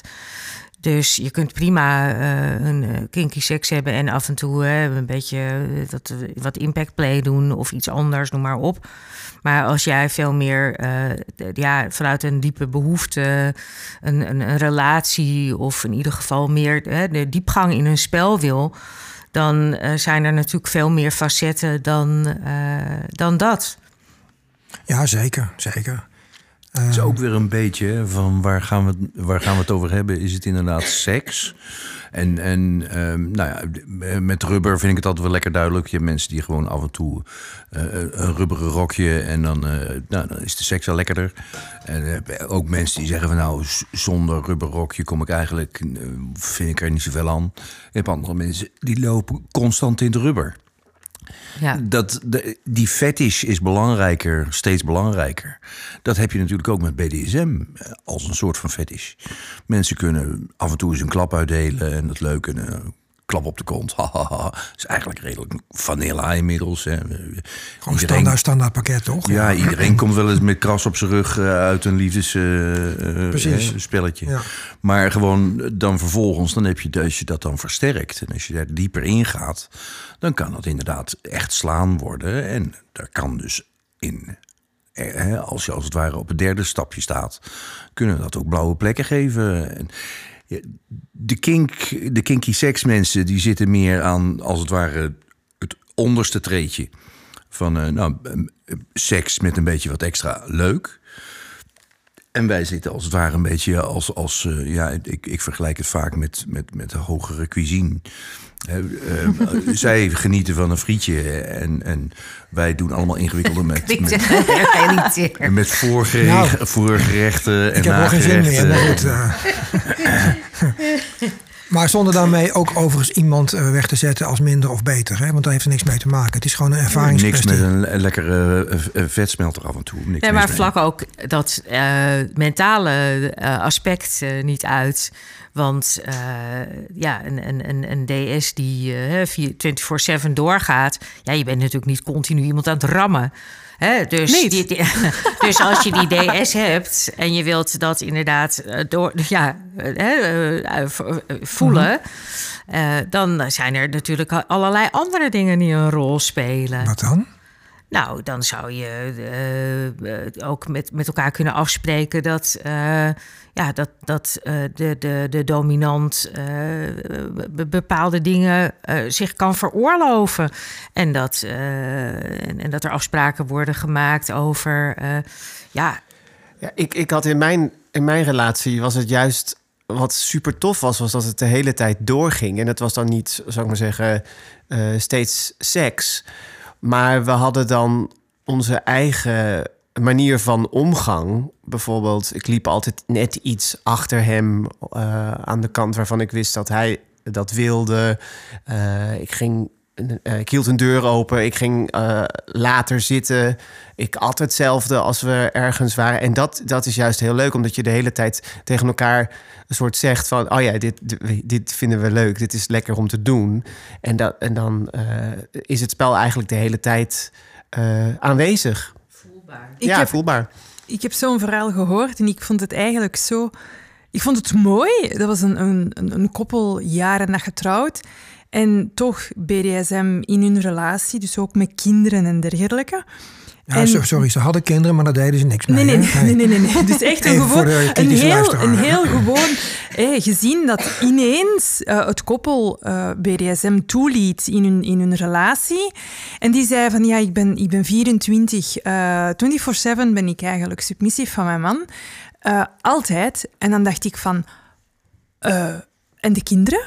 En dan zei hij, nou, wij hebben onze trucjes. En bijvoorbeeld, zegt ze, als iedereen naar tv kijkt en ik kom als laatste, dan kijk ik naar mijn man en dan knikt hij en dan mag ik gaan zitten.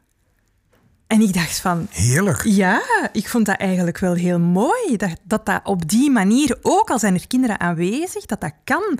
Dat er iedereen toch, dat dat zo voor iemand, voor een, voor een stel belangrijk is, dat dat zo mooi geïmplementeerd kan worden in, in, in het dagdagelijkse eigenlijk. Zonder dat de kinderen er iets van zullen merken, want ja... ja. Dat mag je hopen dan natuurlijk, maar ja. Nou, ik denk toch niet dat ze dat zullen doorhebben. Nee, maar dat is juist ook Nog de niet, lol. nog niet. Het is ook heel erg de lol dat je het, dat je het eh, in de gewone praktische eh, alledaagse wereld kunt doen. Zonder dat andere mensen daar last van hebben, omdat ze daar getuigen van moeten zijn. Ja. Ja, het is discreet. Ja, en het het, hoeft is niet. iets voor jullie samen. Dat is heel, en dat is, dat is heel leuk. Ja, want het wordt natuurlijk altijd uit zijn verband gerukt. Hè? Foto's van een domina die dan eh, zo'n zo'n absurde slaaf... en dan staan er allemaal mensen te kijken... en die man die moet dan over de grond kruipen. En het is een beetje een soort vertoning wordt het Nou, dan. ik herinner mij nog een Wasteland Summer ding. Ja, sorry. Ja, nee, maar begrijp je wat ik bedoel? Nou, dan nee, wordt, wordt het een beetje een karikatuur. En dan krijg je bovendien dat, eh, eh, dat je het ook bij andere mensen ook gaat neerleggen. En daar ben ik al helemaal geen fan van. Het Want- heeft er ook mee maken. Kijk, eh, het is natuurlijk we hebben dat al een aantal keer gezegd. Het is een soort spel. En Lola zegt ook van, van nou, dat is heel mooi. Zei ze ook van, zullen we gaan BDSM? Eh, Ik bedoel, hoe... hoe Ja, zo zeg ik dat niet ja, echt, nee, hoor. maar, oh, ja, maar nu zei je dat. Ik vond het juist heel ontroerend. Het is heel mooi. Maar ook, kijk, ja, heb ik een soort fantasie dat ik, dat ik eh, 24-7 slaaf van iemand zou kunnen zijn. En bij wijze van spreken het huis nooit zou kunnen eh, verlaten. Eh, weet je wel, dat is in de fantasie super spannend. Maar in de praktijk is het heel erg lastig. Want je hebt ook gewoon een SOFI-nummer. En je moet soms ook Ja. gewoon je belastingaangifte Nou, doen. sommige mensen maken het wel waar. Eh, ik heb ook een, peri- een periode echt een serieuze DS met mijn partner gehad, waarin ik dan de submissive eh, was. En ik had daar ook, ik was heel gretig, want ik wilde ook heel graag in die submissive rol. En wij hebben ook kinderen en eh, wij hadden dus ook eh soortgelijke afspraken. En een van die afspraken was dan van eh, vragen of je naar het toilet mocht. En eh, wat Jurgen nu zegt, dat het inderdaad lastig is om vol te houden. Ja, dat bleek dan ook wel op het moment dat wij bijvoorbeeld eh, oneenigheid hadden. En dat ik echt zoiets had van... ik was geen zin om te vragen dat ik naar de wc moet. Daar heb ik gewoon geen zin in. En dan stond ik op en dan liep ik naar de wc. En dan zei mijn partner, wat ga je doen, meisje? En dan zei ik... "Eh, ik ga pissen! dus dat kan ook wel wat hilariteit. Ik moet een eh, beetje aan, eh, ja, voor de ouderen onder ons, Coat en Biet denken. Met ja, moeder. Ja, moeder, ik ga pissen. Die gefrustreerde man, weet je nog? Ja, dat, daar klinkt het een beetje naar. Maar, hoe, maar dan ik- vind ik, lijkt me, wat ik nou heel graag wil weten is, hoe ging dat dan? Hoe ging dat met jouw partner? Werd hij dan niet narrig? Had hij dan zoiets van... eh, Dan zei hij, eh, dan bleef hij heel rustig. En dan zei hij, wat zeg je dan? geestig? En dan was ik natuurlijk geïrriteerd en boos. Maar dan zei ik wel netjes van... Oké, eh, ik moet dus plassen. Ja, wat zeg je dan? Ja, Oké, mag ik even plassen? Ja, oh, ja, je mag even plassen. Nou, ehm, goed. Leuk verhaal. maar hoe ga, zoals ik jou ken, is dat ondenkbaar. Niet dat Ja. jij niet submissive kan, maar ik ken jou helemaal niet meer als in een submissive rol. Ja, maar Eh, toch zit dat ook, eh, ook in mij. Ja, en, eh, en dat kan ook voor mij heel ja, heerlijk zijn om daar weer in te mogen duiken. En dat weer toe te mogen laten. En, ehm, en ik vind het soms ook heel fijn om, om impact play te doen. En soms heb ik ook echt nodig om goed eh, hard geslagen te worden. Nou, ik hoor dat Lola en jij het goed kunnen vinden, maar dat klopt ook wel. want Je doet ook samen shows en zo. Dus Nou, ja. maar ik beschouw mezelf niet als masochist. Hè? Ik ben Nee. geen masochiste. Maar eh, desalniettemin eh, kan het voor mij heel ontspannend en bevrijdend zijn. En dat kan ik heel goed loslaten. Hè, bij gelegenheid in, in, in een, in een impactspel. Hmm. Kan heel fijn zijn. Nou, Miss Kaat krijgt de druk na afloop van deze podcast, begrijp ik zojuist. Een pijnlijke stilte volgt. Nou, Miss Kaat. Ik zal mijn spieren al opwarmen. Blijkbaar. Ehm, ja.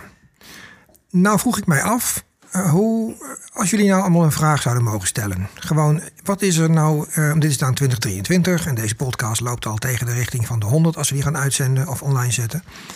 Eh, als ik nou eens even mijn grote klep hou en ik zou tegen bijvoorbeeld eh, Hans of Lola zeggen, of iemand anders van jullie, wie, wie heeft er nu nog een vraag van je dat zou ik nou eens beantwoord willen hebben?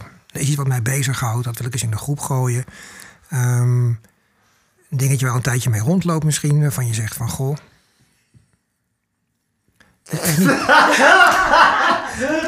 Dat wil dus zeggen dat als ik hier niet ga zitten, komt er geen podcast. Nou, dat is interessant. Aan wie, aan wie de vraag stellen? Aan de, aan de In- aan nou, je tafelgenoten? Zo, zoals ik. Antwoord geven. Nee, zoals ik vragen stel aan jullie, van goh, zo, zo, zo, zo. Heb- Is er iets, Jurgen, van jij denkt van, nou, bijvoorbeeld, zeker... Nou, weet je, nee, eigenlijk niet. Want ik, ik, ik ben heel blij dat ik kan zeggen dat ik echt wat ik, eh, dat ik al mijn dromen, zou ik maar zeggen, heb uitgezocht en heb waargemaakt. Dus ik ben nu 46 en ik, ik vind dat ik dat heel prettig heb gedaan. Ik heb niet echt nog een soort vragen of dingen die ik niet weet. En als ik ze had, dan had ik ze al uitgezocht. En dan had ik het al, denk ik al. Ik heb zoveel. Ik heb een hele fijne. Ja, fetishfamilie, laat ik het zo noemen. Bij wie ik eh, dat gevoel heb bij, dat, ik, dat dat altijd eh, kan. Als je dat soort vragen hebt. Dus ik heb niet. Nee, er zijn niet echt veel vragen. Ja, wat mij heel erg bezighoudt. is dingen eh, zijn, is toch inclusie en diversiteit en zo, weet je wel. Dat vind ik gewoon, en dat vind ik juist belangrijk, omdat eh, ik ook seksualiteit is voor mij ook identiteit. Dus dat vind ik heel belangrijk. Maar dat is een beetje. Ja, daar ben ik ook wel een beetje somber over. Ik weet niet zo goed waar we naartoe gaan in de tijd. Maar dan wordt het zo, dan gaat het daar zo meteen over. Dus dat, ehm, dat hoeft niet eh, per se. Snap je wat ik, wat ik bedoel nu in deze vrolijke podcast voor het jaar? Jawel, maar kijk, eh, vrolijk wil niet zeggen dat vrolijk moet blijven natuurlijk. Hè? Ellende mag ook. Het gaat, het gaat mij... Dus, kijk, geen, geen, geen lol zonder drama, toch, in het leven? Nee, dat is ook zo. Maar wat ik, wat, wat, wat ik nu dus heel leuk vind, is dat Lola dus eh, echt jong is vergeleken met mij. Als je nagaat dat ik 22 jaar langer geleefd heb... en wat ik daar allemaal in heb, heb uit kunnen zoeken en me heb kunnen uitleven... Uh, en hoe ver zij eigenlijk al is en ons heel goed kan uitleggen uh, uh, ja, waar zij staat en, en, en de redenen waarom. Dat vind ik echt, daar word ik eigenlijk heel blij van. Dat vind ik super knap van jou als persoon. Maar ook dat vind ik heel prettig. Een soort jonge generatie van. Ik denk, nou, dat belooft wat. Dat vind ik wel, dat, dat, dat vind ik tof. Ja, maar dat zei Hans het ook al een beetje. Hè? Dat er tegenwoordig een hele nieuwe generatie op gang komt die veel meer fluid is, zeg maar. Een hele nieuwe stroming bezig is. Uh, dat vind ik zelf ook heel positief. Miskaat wilde wat op zeggen, toch trouwens? Ook, ja, nee, nee, geen probleem. Voor uh, betreft Lola, um, er zijn heel veel, uh, zoals, zoals ik denk dat Iris was er net zei, van heel veel mensen dat aan, in aanleiding van Fifty Shades of Grey het allemaal eens willen proberen. Bij Lola heb ik echt het gevoel dat dat, ja, in België zeggen we dat. Het komt vanuit haar tenen. Het komt Zeggen echt we van hier ook, hoor. diep, van deep down. En, en dat is fijn om, om, om, om te zien, zeker omdat je nog op jonge leeftijd, ik was uh, 40, dus je hebt heel wat jaren voorsprong. Uh, ja, dat is super fijn dat je dat allemaal nu al kan beginnen beleven en dat je dat zo voelt en dat je daar zo in staat. Ja, dat is echt, uh, ja, dat is echt wel fijn. Echt, echt leuk om te zien, ja. Ik ga zo blozen van iedereen. dat maken we wel goed met een zweepslag straks. nou, oké, okay, luisteraars, ja. Hans wil nog wat reageren, begreep ik? Nou, ik, ik, ik vind dat er twee kanten zijn uh, op het ogenblik. Aan de ene kant is er meer fluidity en meer open-mindedness. En aan de andere kant zie je natuurlijk ook wel steeds meer... dat gewoon met Facebook... Uh, dat je nog geen tepel mag laten zien... en dat het allemaal steeds braver wordt... Um, en, en, ik heb het gevoel dat het ook in, uh, in onze maatschappij een beetje uit elkaar begint te lopen. Je hebt een, groep mensen die vrij hebben, vrijheden hebben. Een groep mensen die vrijheden ervaren. En je hebt ook een hele grote groep die gewoon echt uh, zeggen van... Uh, nou, als je, als je ziet hoeveel vrouwen er gedood worden voor eerproblematiek... ja, dan, dan zijn we toch ook wel enorm uit elkaar aan het lopen. Dus dat, ik vind... Even een nuancerend ding die twee kanten zie ik wel beide tegelijk. En daar zie je dus ook inderdaad dat sommige mensen, ja, als het ware wat meer het. Ik kom hier even neuken. Op FetLife, als ik bij mijn vriendin hoor, hoe, hoeveel platte en domme reacties ze krijgt van compleet ongeïnformeerde eikels, echt pannenkoeken, die gewoon ook nergens gaan komen, maar die gewoon denken van. Uh, je hebt hier een dikpik, dus het zal wel geweldig wezen. De, ja, de, dat is wel echt een ding waar ik zeg van het loopt uit elkaar. Ja. Daar bestaat trouwens ook een woord voor, hè? voor die, wat jij net zegt, uh, de, de, de, de, aantal moorden op vrouwen. Dat, uh, dat, dat, dat, dat, Feminicide, toch? Femicide, ja. Femicide, ja, ja, niet uh, homicide, maar femicide.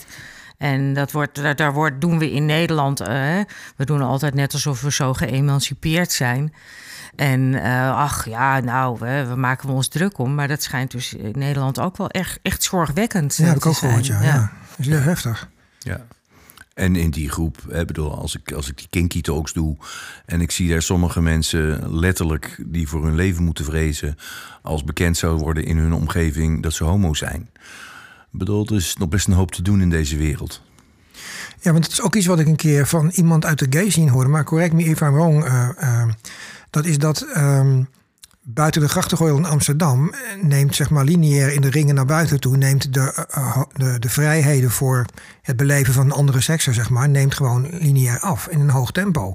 Ik bedoel, uh, ik heb laatst ook een verhaaltje gehoord van die doodenge kleine uh, kerkelijke gemeenschappen, welk geloof dan ook, waarin afschuwelijke dingen gebeuren met mensen, man, vrouw, kind. En dat wordt allemaal maar goed geluld vanuit het geloof in een aantal gevallen. Dat is echt dramatisch. Terwijl ze met de vinger wel naar ons wijzen. Wij zijn de duivel, want we lopen in, in een zwart pakje. Nou, laten we wel wijs- wezen, de Raad van State heeft eh, ehm, conversietherapie eh, voor homo's Ja. eh, af, afgewezen. Ja. En dan onder het mom van er zijn ook mensen die dat heel graag willen. Wat Ja. is conversietherapie? Conversietherapie is dat je, dus, dat je dus eigenlijk volgens mij homoseksualiteit als een soort ziekte beschouwt. Waarin je die, daar, waar dus een therapie voor bestaat. Eh, vaak gecombineerd, het bestaat dus niet, maar dat denken zij dus wel. Vaak volgens mij in combinatie met religie ook. Dus dat je. Voor de helderheid. Ja, het doe. ver- Het verbod op. hom- eh, Ja, precies. Is, is, Ja. Ik bedoel, het was een hele goede ontwikkeling dat gewoon binnen de politiek mensen eindelijk begonnen te zeggen van dit, dit moet verboden worden. Want het Wat is precies? Achterlijk. ik, begrijp niet helemaal. Wat precies De- moet er verboden worden? Eh, eh, wat er verboden moet worden, is dat er mensen zijn die vinden dat zij eh, therapie kunnen doen voor, zodat je niet meer homoseksueel bent. Oh, wat je in Amerika ook heel erg hebt, En- zeg en maar. dat Die- wordt nu dus gaan genezen alsof het een ziekte is. Ja. Gelukkig. ja. En, en Nee, nee, want het is dus juist Oh. in de politiek dat dat dus niet wordt gestopt. Ja, Oh, dus het is nog steeds Het is- toegestaan. Het, is want nog ze steeds, zeggen, het mag nog steeds. Ja, het ze achterlijk. ja, ik bedoel, ze er is in zeggen, ja- DSM is het al lang voorbij dat dat gewoon iets slechts zou zijn of iets ongezond zou ja, zijn. maar of er zijn misschien toch wel homo's die dat wel eh, willen. Echt te waanzinnig. Ja, Ja. en, en laten we wel zijn. Iedereen die net een fetish ontdekt... of die net ontdekt dat hij een beetje anders is... die heeft vaak als eerste reactie dat hij even schrikt van... oh, kan ik hier niet vanaf? Eh, Dus dat iemand denkt Nou, van, daar wil ik vanaf. Nou, ik wel. En, en eigenlijk best wel heel veel mensen hebben ergens een moment gehad... dat ze denken, oh, wat, wat gebeurt er met, eh, met mijn leven als ik hier aan toegeef? Mhm. Eh, kan ik niet normaal doen even? Dat is een schrikreactie die je veel ziet. Dus op het moment dat je daarin meegaat en je gaat dat als reden gebruiken om die conversietherapie er gewoon eh, toe te staan of Doodeng, goed te vinden, belachelijk. Ja. Veel bidden, dat helpt altijd. Ja, voor ja, de, voor de, zo op je knietjes eh, met je, ja. En, en, en dan even kijken wat er gebeurt in die kerken die Oh, zeggen. gauw op, schij uit. Echt. dat is echt heel ernstig. En Ja. dan gaan ze die, die, die laatste paus, die laatste het loodje heeft gelegd... die moet dan echt eh subiet eh, heilig verklaard worden. Terwijl deze man gewoon oogluikend toe heeft gestaan. Pedofilie, ja, echt verschrikkelijk. echt. Ja. Maar voor, de, voor, voor, vanuit het zadel positieve gedachte is er dus een, een programma, een filmmaker die- en die. eh Sacha Ba- Bo- Baron Cohen heet hij volgens mij. Die heeft eh, Borat gecreëerd. En die gaat dan in zijn type gaat hij een, een priester interviewen in de States die probeert homo's te genezen. En die man wordt met de grond gelijk gemaakt. Die is trouwens zelfs zo gay als een eten. Dat zie je in alles, weet je wel. En die dan daartegen vecht. Dat vind ik Zie je briljant. vaak, zie je echt vaak. Die Ja. mensen die er het hardst tegen zijn, die zie je even later gewoon met, eh, in, de, in donkere steegjes en met poolboys en noem maar op. Je gaat ze ook herkennen, hè? Dat is zo grappig. Ah, nu komt de waarheid. Lu- lu- Luisteraars, nu gaat het Nou nee, maar dat is zo grappig. Want ik heb namelijk zo'n buurman.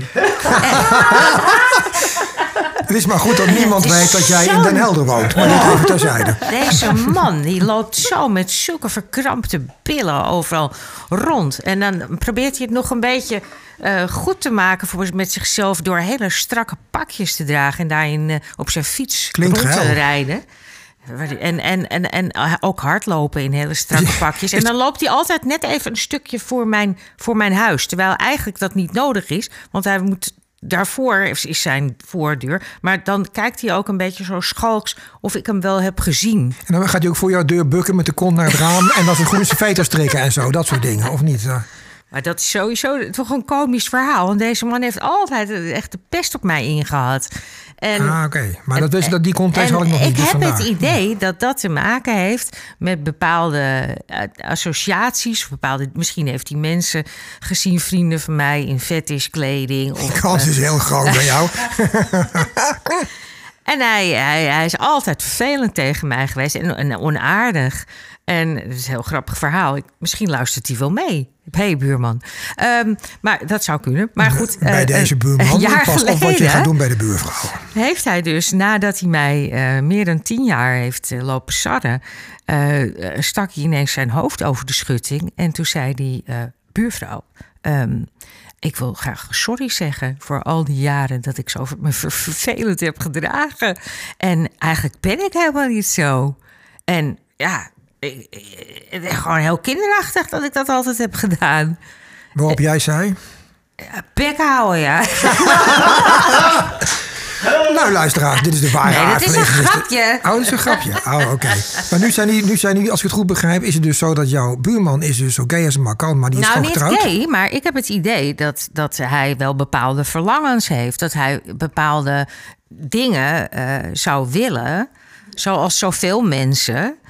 En dat, dat, dat, ja, dat, dat, is, dat is geen optie. Dat, dat, kan niet. Misschien ook door, door zijn relatie en door hè, het leven wat hij opgebouwd heeft. Maar ik heb het idee dat hij enorm gefrustreerd is. Oké. Eh, maar eigenlijk wel heel positief dat hij dan toch dat inziet en jou zijn excuus aanbiedt, toch? Ja, en het is heel grappig, want hij is nu heel, hij heel, zegt mij heel joviaal. Hallo, zegt hij me gedag, heel joviaal. En dan zwaait hij zo. Zegt heel komisch. Maar ehm, hij heeft laatst zijn huis opgeknapt. En eh, toen vroeg hij aan mij en eh, mijn man of wij binnen wilden komen om het huis te bekijken. En ehm, ja, toen kwam er iets tussen. En toen kwam ik hem een andere keer tegen. En toen wilde ik dus binnenkomen. En toen zei hij: Nee, nee, nee, nee, nee. Nee, mijn vrouw is nu thuis. Dus nu mag je niet binnenkomen. Oh, interessant zeg. Dus het is nog steeds, hij zit nog steeds in een soort spagaat. Ja, maar eigenlijk, wat je omschrijft, vind ik een eh, voorbeeld van diepe triestigheid. Want dat is iemand die blijkbaar met van alles worstelt. En dat heeft Hans. dat, zijn er best een hoop natuurlijk. Precies, dat wil ik net zeggen. Dat zijn volgens mij de, de, de, ja, de mensen die bij Hans terechtkomen met vragen. Want Nou, dat denk ik dus niet. Want ik denk Nou, dat, in een ja. aantal gevallen wel. Ja. En, Oh. eh, je, je ziet soms ook wel dat mensen dan gaan cheaten om een beetje aan hun eh kicks te voldoen. Ehm, maar je, je ziet ook wel dat mensen dan juist eh, beginnen te openen naar hun partner. En dat er dan toch even gekeken moet worden van hoe gaan we dat enge gebeuren allemaal een beetje kanaliseren. ja. En dat kan tot hele mooie dingen leiden natuurlijk. Ja, ja, eh, absoluut. Ik bedoel, juist als je daar eerlijk naar durft te kijken, alle twee. Maar het is natuurlijk wel eng. En het gebeurt ook wel dat gewoon soms partners zeggen van... Ik, ik kan hier niet tegen, ik kan hier niet in mee. Ik vind dit zo vies of eng of, of het triggert mijn trauma's. Eh, de- ja, dat kan zijn dat dat gewoon echt een ding is wat, ze, wat niet kan. Dat is best heftig dan, want er zijn heel veel mensen die dan eh, daardoor eh, ja, uit elkaar gaan waarschijnlijk ook. Of ze gaan de buurvrouw pesten. Ehm, heb je ook zo'n buurman miskaat toevallig? Hebben ze in Vlaanderen ook van dat soort engels? Ja, jullie lachen maar, maar het is toch heel verdrietig. Jawel, jawel waarschijnlijk, waarschijnlijk wel. Ik heb, ik heb geen enge buurman. Eh, ik heb geen enge, enge buren. Eh, maar ik, ik denk wel dat heel veel mensen eh, in een vorm van opgesloten zitten in een, in een bepaalde situatie of relatie of, of ja, whatever. En dat is eigenlijk wel heel jammer voor die mensen, want om het echt wel heel cru te stellen, het leven gaat voorbij. Hè? Ja, En dat daar zeker. zitten ze dan. Ja, en daar zitten ze dan. Hè. En In de, ik vind het jammer dat ze niet hun gevoel gaan, gaan, gaan na, najagen en, en eh, hun, hun gevoel najagen, hun dromen, hun ervaringen, hun, hun nieuwsgierigheid. Ik vind het jammer dat dat, dat, dat blijft zitten Ja, ja, ja. uit schrik van. Maar mag ik wat vragen? Want jij zei net van, eh, ik was 40. Wat, wat, wat, was dan, wat gebeurde er dan bij jou dat je het wel ging ontdekken en uitproberen? Wat, kan je dat Ja, ik kan dat Omschrijven. zeker. Ik kan dat zeker. Ze deed mee aan Ik de heb- podcast en toen, nee. Ja, nee. Ik, eh, nee, ik heb, ik, heb daar, eh, ik heb daar zo lang mee gewacht, omdat ik eh, vooral mama. Ik was alleenstaande mama en ik, ik heb alles van mij opzij gezet om, om mama te zijn.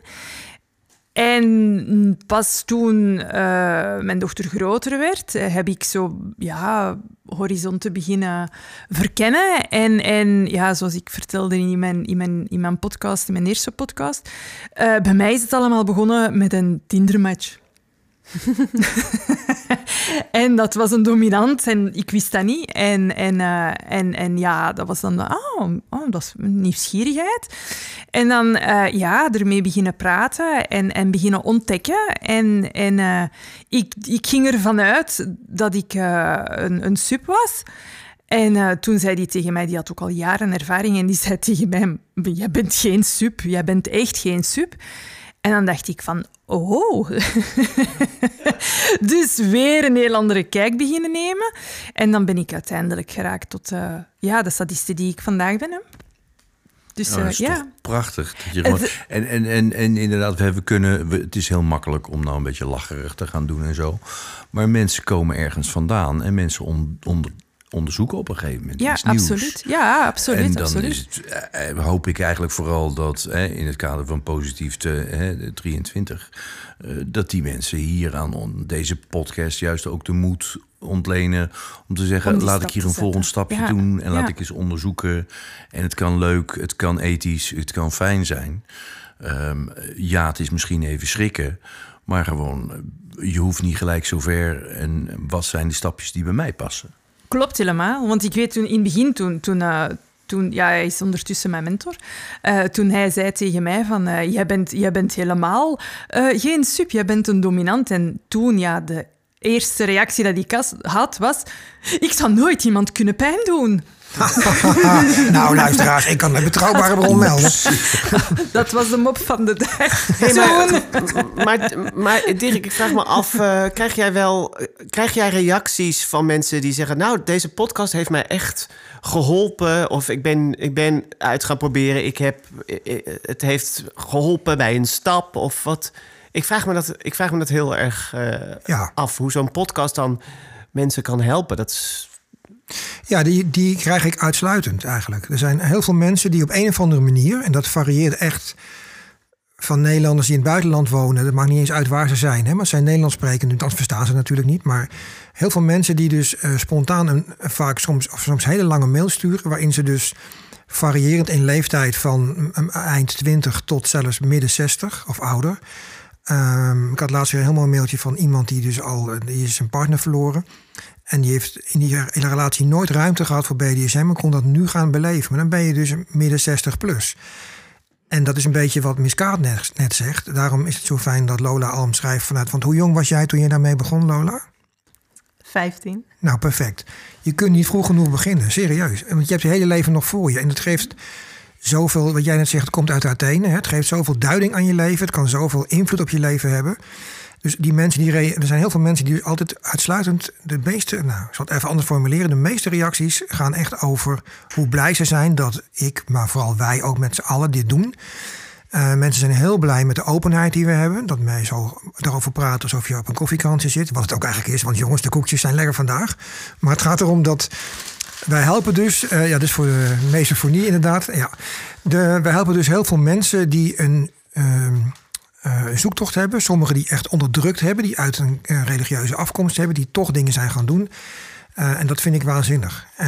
Dus dat is een goede vraag. Dus dat, dat klopt inderdaad. Heel veel mensen hebben er baat bij doordat wij er open over praten. Ehm, kijk, mensen oordelen snel, maar wie durft te oordelen als je Miss Kaat hoort zeggen: Ja, ik zit hier nu als volleerd sadiste. Ik ben er dol op, ik ben er trots op. En jij zegt: Ik ben masochist, ik vind het fantastisch. Wie durft dat over zichzelf te zeggen? Ja, ik denk ook, ik denk ook vaak zijn mensen die BDSM doen of kinky seks wel heel erg in touch met zichzelf. Dat spreekt mij ook heel, wel erg aan, aan die mensen. Ja. Maar dat herkennen mensen dus in jou en in alle andere gasten. En ook in mij. En dat is heel fijn, omdat mensen daardoor inderdaad feitelijk stappen gaan nemen. En misschien dat Hans dat uit zijn praktijk ook weet, dat hij daar Op het moment dat je beslist dat je het niet gaat lopen weglachen en belachelijk maken. precies. Maar je gaat het onderzoeken, dan is die nieuwsgierigheid en de geilheid dus groter dan je angst om het te onderzoeken. En dan kom je inderdaad ook tot de stappen dat je nieuwsgierig wordt. En dan moet je gaan praten over wat voor jou spannend is. En, en of dat wel kan. En, en hoe doet dat. En, en, en, en, en, en. Daar begint de hele zoektocht. En dat creëert ook mensen die meer open-minded zijn. Op het moment dat je naar wetenschappelijk onderzoek gaat kijken, dan zijn we niet gekker of gefrustreerder of meer getraumatiseerd dan eh, de niet-BDSM'ers. Maar we zijn over het algemeen wel iets beter in het genieten en in het praten over onze gevoelens. De. En dat is ook heel fijn. Ja, ja, zeker. Want dat is ook nodig om het überhaupt te kunnen. Ja. Nee, maar ik denk dat het ook een groot gemis is in veel, laten we zeggen, dan standaard relaties, hè, waarin geen kink of BDSM voortkomt, voorkomt. Dat veel mensen gewoon niet hebben geleerd om te communiceren. En dat blijft een issue, hè? En hoe is dat voor jou, Lola, in je, de- ik zeg het even heel eh, respectloos misschien, de jongeren zien waar jij je erg in begeeft, hè? Ik neem aan dat jij niet veel met, eh, wat, is, wat zijn de mensen waar jij mee omgaat in het algemeen? Is dat jullie daddy natuurlijk, die is wat ouder, neem ik aan. Maar jou, eh, waar jij heen gaat aan speelfeestjes, is waarschijnlijk wat jonger publiek ook? Of varieert dat heel erg? Ja, ik denk dat mijn range van mensen waar ik het meest dan of close contact mee heb, of wat de algemene leeftijdsgroep is, ergens tussen de, nou, ik denk misschien 23 en 50 is. Oh, toch wel zo breed nog? Ja. Oké. Maar wat ik bedoel te zeggen, eigenlijk voor jou is het eigenlijk helemaal geen issue aan jouw leeftijdsgenoten. Want jullie zijn gewoon begonnen, je was 15 zeg je net. Dan is het eigenlijk al een onderdeel van je leven, toch? Dat gaat dan met je mee. Eh, ja en nee, denk ik. Als in, ehm, het heeft denk ik, zoals jullie allemaal zeggen, wel voordelen als je jezelf redelijk op tijd in het leven leert kennen, zodat je niet aan het einde denkt, oh jee, ik moet een inhaalslag maken. Aan de andere kant eh, kies je er ook niet voor hoe iets per se in je leven komt, op welk moment. En eh, qua leeftijd denk ik dat het ook wel echt uitmaakt dat je dus inderdaad dan nog helaas minderjarig bent en je hersenen het misschien toch allemaal iets anders verwerken. Dus aan de ene kant ben ik heel dankbaar dat ik nu zo goed mezelf ken en ben waar ik ben en ook bewust kies voor ehm, het wel open uitdragen aan de meeste mensen om me heen en eh, ook gewoon durven genieten en keuzes te maken waarin ik omarm wat er in mij zit. In plaats van dat ik het zie als iets waar ik bang voor moet zijn of wat niet mag. Ehm, ja, aan de andere kant leer je er wel eh, die communicatie dus wel heel erg ook door. En dat is ook denk ik de enige reden, nou niet de enige, maar een van de redenen waarom de verschillende banden die ik met mensen heb en de relatie die ik met mijn vriend heb, waarom dat zo goed werkt. Want het is echt niet zo dat, eh, dat het knap is dat wij met meerdere partners zijn of eh, dat. Waarom, waarom niet? Want dat is voor heel veel mensen onbegrijpelijk, hè, wat jij nu zegt. Ja, maar mensen denken dat wij dan misschien niet jaloers zijn of dat wij dat allemaal maar prima vinden. Is dat zo? Nee, iedereen heeft jaloezie. En de ene persoon waarmee je partner gaat, vind je wel heel chill. En de andere persoon denk je wel van, oei, dit zit iets meer. Die moet dood. eh, nou, dat is overdreven, maar hè. En uiteindelijk is het enige waardoor je dit kan laten werken, is die communicatie. Het, het meeste wat we moeten doen is erover praten, dit gevoel weer op tafel tot echt het stomme aan toe. Als je ermee zit, dan moet je het met elkaar delen. Want anders dan stop je het weg, gaat het groeien en maak je iets stuk. En dat is wel wat ik echt het meest, eh, ja, zowel in de kink als uit de kink uit heb gehaald. Van oké, het gaat gewoon, je mag overal alles van zeggen wat je vindt en wat je denkt. En het is goed om open te zijn als je maar respectvol met andere mensen omgaat en hun grenzen. En dan kun je eigenlijk alles delen en doen. Nou, heel veel wijsheid voor zo'n eh, jonge dame, zeg maar, toch? Fantastisch. Daar kan ik mij alleen maar helemaal bij aansluiten bij deze uitspraken. Eh, is er nog iets wat een van jullie zou willen eh, bespreken, willen zeggen, wat er niet besproken is vandaag? In het kader van de positiviteit, maar het mag ook iets heel anders zijn. Ehm, positief afsluiten is natuurlijk leuk, maar het hoeft niet. Nou, ik wil in ieder geval eh, de workshops weer opstarten. En eh, dat is gewoon leuk om te doen. Eh, online en, eh, en IRL. Wacht even, dat zijn jouw workshops die jij Mijn- geeft, hè? ja. Ja, precies. Kinkerwarecoach.com. Ja, En, en dingen die ik vroeger deed onder Kink Info. Maar dat is nu dus eh, ja, persoonlijk. en eh, nou, we hebben de eerste workshops alweer gegeven. Mhm. waar gaan die workshops over? Nou, bijvoorbeeld Impact Play was de laatste. En, Daar was Lola ook Een goede cursus voor jou, Dirk. Dankjewel, Irresistible Iris. Nee, ik dacht al wanneer begint het Dirk Besje, maar dat is dus nu al tegen het eind zo. Dan voelt iedereen zich vrij genoeg om af te zeiken. Nou, doe maar weer. Mijn wraak zal vreselijk zijn. Misschien krijg je korting van ons. Korting van, nee, natuurlijk niet. Zeg, kom op zeg. Nee, maar even serieus, die man probeert hier even zijn cursus uit te... Hans, vertel. Ja. Want, Nou, het, het gaat over diverse technieken. En, en, en wat je regelmatig ziet, is dat mensen die slecht in hun technieken zitten, dat die zich onzeker voelen over hun rol. En dan zie je soms hele krampachtige toestanden, als dat iemand zegt van. Ja, ik kan nog niet echt goed mappen, maar ik heb wel een eh, single tail. Best wel lastig om met een single tail. heel moeilijk juist. Ehm, ik heb een single tail gekot, want dat ziet er heel domly uit. En eh, ik ga nou mijn partner slaan en die moet dit maar vertrouwen, want eh, ik ben de dom, dus je moet het vertrouwen. Ja, dat, dan ben ik dus inderdaad typisch van... laten we nou eerst eens even gaan oefenen op kussens... en laten we nou eens kijken wat voor materiaal... en hoe doe je dat, wat is je opbouw, enzovoort, enzovoort, enzovoort. Nou, dat, dat is een workshop. Ja, wat, ik, wat ik trouwens... Goed dat je dat zegt. Want, ehm, doe je dat dan ook dat je... ehm, ik heb een aantal dominanten, man-vrouw gesproken... die zeggen, ja, toen ik begon... of eh, zelfs nu nog, dat ze bezig zijn... dat ze tijdens een sessie of in het begin van een sessie... eigenlijk geen idee hebben wat ze verder moeten gaan doen met een submissive. Dus mensen beginnen aan een sessie of een spel... en dan hebben ze eigenlijk als dominant geen idee. Hè? Behandel je dat ook in jouw cursus? Want dat is volgens mij een veel voorkomende vraag van mensen. Die zijn nog eigenlijk geblokkeerd door wat jij net zegt. Nou, dat, is, dat, is een hele, dat is een hele andere workshop trouwens. en dat gaat over dominantie. En je hebt basically je hebt twee soorten dominanten. Je hebt de fix en de flux. Eh, De mensen met inderdaad een fix verhaal, die weten van tevoren wat er gaat gebeuren, staat er vast. Die hebben de spullen klaar. Die hebben het ook als groot voordeel dat ze het kunnen aankondigen.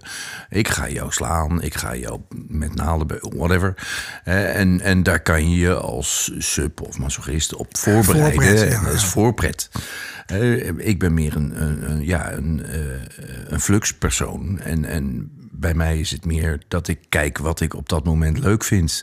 En waar heb ik zin in. En, eh, Ja, maar je weet waar je zin in hebt en je weet ook de technieken om dingen te doen. En maar dat is dus het punt waardoor je dus ook flux kan zijn. Ja, precies. als je je techniek, en dat geldt trouwens ook voor fix, op het moment dat je gewoon je technieken in huis hebt. ehm, ik, ik zeg altijd, je hebt, je hebt drie poten aan dominantie. Je hebt aan de ene kant van wat mag ik van mezelf? Hè, wat, wat mag mijn kruis van mij? Aan de andere kant van wat wil ik morgen niet gedaan hebben? Wat gun ik jou aan goede en wat gun ik jou niet aan verkeerde dingen? En de derde punt is welke technieken heb ik en welke materialen heb ik? En op het moment dat ik gewoon beter ben in, mijn, in het beheersen van mijn materiaal, dan kan ik die driehoek groter maken. Als ik meer mag van mezelf, kan ik die driehoek groter maken. Als ik beter met je kan communiceren over wat jij wil en ik durf je daarin meer te vertrouwen, dan kan ik mijn driehoek groter maken. Ja, dat is ook wat, wat eh, meester Ilusia ook zei. Eh, hoe hou ik een spel staande? Hè, onderschat dat niet. Eh, ja, eh, dan, dan zit je daar met zo'n sub. Ja, wat ga je nou doen? Maar heb jij, ik heb dat nog Ja, nooit. als dominant heb je wel het initiatief. Ja, precies. En- ja, en dat is het Iemand lastige kijkt je aan van, nou, kom maar op. Ja. Ja. Maar ik, heb jij dat wel eens gehad, eh, Iris? Jij lijkt me niet iemand die daar moeite mee heeft qua fantasie en creativiteit. Nou, het hangt ook een beetje van het verwachtingspatroon eh, af. Ik heb wel eens meegemaakt dat ik dacht van, nou, er wordt iets van me verwacht. En dat kan me dan wel in verwarring brengen. Ja, ja. Weet je, als iemand eh, je zo, ja, ook al van tevoren, wat Lola net ook zei, van eh, nou, dan wil ik, ja, oh nou, ik, zou, ik heb eigenlijk wel weer behoefte eraan om heel hard geslagen te worden vanavond. Ja, nou, Ja. daar is miskaat voor. Komt goed. ja, kijk, dat is natuurlijk ideaal als je in teamwork kunt werken. Maar als je, als je er alleen voor staat, kan dat misschien, ja, bij mij, dan denk ik, ja, wil ik dat eh, nu? Eh, Nee, precies. Kan ik dat nu? Ik, ja, weet je, dat vind ik al vervelend. Dan ben je het lijstje voor de het afwerken. zeg maar. Nou ja, voor mij moet het eh, ook ja, in een flow gaan. En in en, en een bepaald soort chemie, die, ja, die natuurlijk, het klinkt heel ideaal. Maar dat, dat, dat kan, kan mij wel, wel in verwarring brengen. En denk ik, Mhm. oh, oh dus, dus nu moet ik iets, iets gaan doen of zo. Oké, maar dat heeft niks te maken met wat, ik je net bedoelde met Hans. Dat is iets anders, hè? Het is een ander, ander dingetje. Als iemand die bijvoorbeeld begint... Miskaat, je hebt dat volgens mij ook meegemaakt deels. Of zie ik dat verkeerd of helemaal niet? In, jou- in jouw zoektocht. Dat je ook wel eens hebt getwijfeld van... Heb je ooit gehad dat je met jouw slaaf speelt... en dat je denkt van, goh... Waar ben ik nu mee bezig? En toen zei de slaaf... Eh, jawel, jawel ik, heb dat, ik heb dat wel. Tuurlijk, ik heb dat wel gehad. Ik heb, een, ik heb een eerste sessie met mijn slaaf gehad zonder dat ik ooit maar iets had gedaan. Dus hij was mijn proefkonijn, letterlijk. Want ik had nog nooit een zweep vastgehad. Ik had nog nooit... De eerste keer dat ik een zweep heb vastgehad, die heeft mijn slaaf gevoeld. En dat dus was... een half jaar later toen je uit het ziekenhuis kwam... toen hebben jullie verder over gesproken? Of, zo, zo erg was het niet. nou. Maar ik heb, ik, ja, achteraf dan denk je, achteraf dan denk je wel van, god, wat heb ik gedaan? Ik kon wel echt iets aanrichten wat dan niet hoefde. En dan heb ik voor mezelf uitgemaakt om, om effectief hè, in, in, de, in de salon een kussen te nemen en zeggen van, daar wil ik hem. En beginnen, be- zo beginnen, beginnen oefenen. Maar Ja, ja, ja maar dan was het al te laat, hè? want ik had mijn eerste sessie al wel gehad. Hè? Dus eigenlijk zeg je nu, als jij wil gaan domineren en je hebt, laten we zeggen, opstarttwijfels, ga zo'n cursus doen, bij wie dan ook. In Amerika is het echt heel normaal om cursussen te doen. Maar gewoon in, in eh, Nederland en eh, ook eigenlijk minder, meer in Nederland nog. In Duitsland is het ook relatief normaal om cursussen te doen. Maar in Nederland is er snel zo'n idee van als ik iets moet leren, dan ben ik niet dominant. Ik, ik ben pas dominant als ik het allemaal al weet. Terwijl Ja. dat dus echt iets compleet anders, Anders is dan dominantie. Ja. Ja, Sterker nog, in Nederland denken wij... eh, ik heb het nog nooit gedaan, dus ik zal het wel kunnen. Pipi Langkous, ja. En daar heeft het hele land last van, toch in alle opzichten. Maar dit even terzijde. We hebben zelfs ministers die. Nou ja, oké. Ja, daar zit toch heel Den Haag vol mee met dat soort mensen. Nou, dit even terzijde. Brussel ook hoor. Ja, oh, Brussel. Ja, nee, daar gaan ze daarna naartoe hoor. Oké. Nee, ik heb, ik heb wel. ehm, nu ben ik wel op een punt gekomen dat ik, ja, is het dan fix of is het dan flux of is het misschien de twee?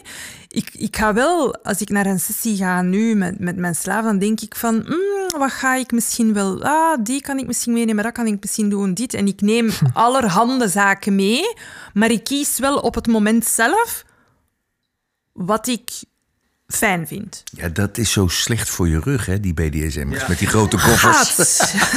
Ik ook hoor. Ik, kom altijd, ik heb tegenwoordig een hockeytas waar gewoon alles er gewoon heel makkelijk in kan. Doe je één hockeypuck erbij, dat, dat, of een hockeystick, dat, dat, dat Een kijkt. baseballbat. Baseballbat. Een golfkarretje. Ja. Ehm, Iris, had jij nog iets eh, positiefs ter afsluiting wellicht ook voor deze Sado-positieve podcast? Nou, dat het hopelijk snel voorjaar mag worden. Want ik ben het zat, de januari en februari. Ja, ja, maar sommige mensen luisteren deze in de zomer, hè? Dus ik dacht en meer daar wil ik eh, ook nog bij zeggen dat in maart natuurlijk weer een party is. Maar die is Natuurlijk, ja. eigenlijk al bijna uitverkocht. Serieus? Gaat heel, ja, gaat heel goed. En ook voor mensen die ehm, misschien dan in, in, in de rubber eh, wat, wat meer willen ontdekken. Of die eh, iets hebben met latex of met rubber. Je kunt dus, eh, een, een workshop is één ding, maar je kunt dus ook naar de munch komen, naar de rubberbunch munch. En eh, daar kan je ook gelijkgestemde ja, van alles Ja. kwijt en van alles leren. En wat ook niet onbelangrijk, ook andere rubberliefhebbers ontmoeten. En, eh, en, en trouwens, je, je hoeft niet eens per se een rubberliefhebber te zijn. Want het is gewoon een leuke eh, plek om eh, andere kink, kinksters te ontmoeten. Ja. En dus dat is ook een plek waar je, ja, Ja, waar je als beginner. nou ja, we hadden het nu net over hè, hoe, hoe vind je je weg in, in BDSM. Mhm. Maar waar je dus terecht kunt. Heel goed. Jurgen, had jij nog iets dat je zegt, goh, dat ehm, zou ik mee willen geven voor 2023? Ehm, nee, eh, niet echt. Eh, maar ik vond het weer echt een heel leuk gesprek. Het is ook gewoon leuk om met mensen hierover eh, te praten als die openheid eh, er is. Dat is Wanneer is de volgende? Eh, nou, dat is snel. We gaan nog een aflevering 100 opnemen en daar zijn jullie allemaal gegarandeerd wat mij betreft bij. Dus dat zien we dan. Maar eh, nee, dankjewel. ja, eh, happy searching. Ja, I will. Hans, nog iets? Ja, het vertelt over de opstart van de cursus inderdaad. Nog een positieve boodschap voor de luisteraars. Eh, nou, ik wou verder nog chemsex eh, groepen eh, online. eh, die start nog op. Wat is dat? Ehm, dat klinkt voor mij als webcamseks namelijk. Dus. Nee, nee, chem, C-H-E-M. mensen die chemicals moeten gebruiken om seksualiteit te kunnen beleven. En ik ben niet tegen het gebruik van chemicals. Ik bedoel, over mijn eigen druggebruik zeg ik altijd... heroïne heb ik niet gebruikt, anders moet ik zo lang een lijst noemen. Maar waar het om gaat is... Dank je, Hans.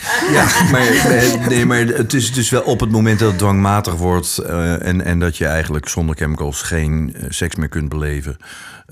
of als eigenlijk de chemicals in de weg begint te staan van seksbeleving... dan is dat een, een punt van aandacht. En is het handig als je daar iemand...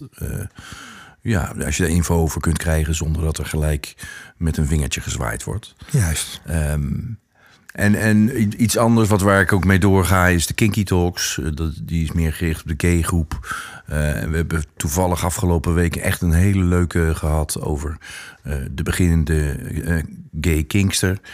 Een aantal jonge mannen uitgenodigd die gewoon echt heel leuk, hebben Leuk, zitten praten. En, en wat ik daar was eigenlijk, de meeste tips ken ik altijd wel. Maar wat ik heel leuk vond, en dat is ook een beetje in het kader van, van juist die fluidity waar we het over hadden. Van als je nou naar een feest gaat en je gaat naar je eerste feest, Zorg dat je een vriend of vriendin hebt die niet gay hoeft te zijn, die niet kinky hoeft te zijn, maar waar je in ieder geval je verhalen aan kwijt kan. Zorg dat je een buddy hebt voor jouw kinky eerste ervaringen. Die niet veroordelend is, maar die gewoon met je meekijkt. Dat je het niet alleen hoeft te beleven. Ja, lijkt me heel Vond ik een fijn. leuke, kick, een leuke Ja. tip. Een hele goede tip. Eh, Lola, had jij nog iets toe te voegen voor de Kingsters die nu luisteren, of de liefhebbers of de mensen die liefhebbers in spe, de beginnende slavinnen, de beginnende domina's, doms, meesters? Eh, nou, ik heb geen feest of, eh, of workshop nee, om nee, aan te prijzen, het mag maar... intermenselijk zijn. Gewoon, ja, precies. Nee, ik hoop heel erg dat in het kader van positief, King Positief 2023, dat mensen die eigenlijk al een tijdje denken van, hé, hey, dit vind ik interessant, maar ik durf niet, het is moeilijk, het is spannend, dat er gewoon dit jaar heel veel mensen zullen zijn, hoop ik, die dan toch dat stapje wel durven te nemen en dat wij daar met z'n allen iets aan bij kunnen of hebben kunnen dragen. Dat hoop ik heel erg. Nou, daar sluit ik mij duizend procent bij aan, luisteraars. En ik eh, ga er helemaal in mee. Doe wat je voelt. Blijf niet in een kast zitten, hoe virtueel ook. Kom eruit en ga gewoon je gevoel achterna. Dat kunnen we niet genoeg benadrukken hè, in deze podcast. Dus blijf doen, eh, ga doen wat je voelt. En ga niet wachten tot je, zoals veel mensen zeggen... als ik met pensioen ga, dan ga ik reizen maken. Nee, dat moet je nu doen. Want dan kun je het waarschijnlijk niet meer of val je dood om. Geldt ook voor Kink. Kun je niet snel genoeg aan beginnen... en ga in godsnaam aan de slag met wat je voelt. Ehm, amen. voor iemand die niet religieus is, mag dat toch mooi zijn. Heel erg, heel, heel erg bedankt voor. heel erg- ja, op je knietjes, Hans. Ja, natuurlijk. Nee, dat gaan we niet doen. Ehm, heel erg bedankt voor jullie komst en eh, inzet en eh, nou ja, interessante en boeiende toevoegingen in deze podcast. En ik hoop jullie inderdaad bij een volgende snel weer te zien. Dank voor je uitnodiging. Jo. Dag Dirk. Doei. Doei, doei, doei. Wolf. Ja, ook jij, Jurgen. Dank voor het luisteren naar de Fetish podcast. Via de website synquest.nl kun je altijd een reactie sturen. Bijvoorbeeld als je zelf een verhaal hebt wat je graag met ons wilt delen. Op de site vind je ook linkjes naar andere podcasts en mogelijk voor jou interessante sites over BDSM in het algemeen. Dat was het voor nu. Tot de volgende keer. En reageren kan dus via synquest.nl. S-I-N van Nico, quest.nl.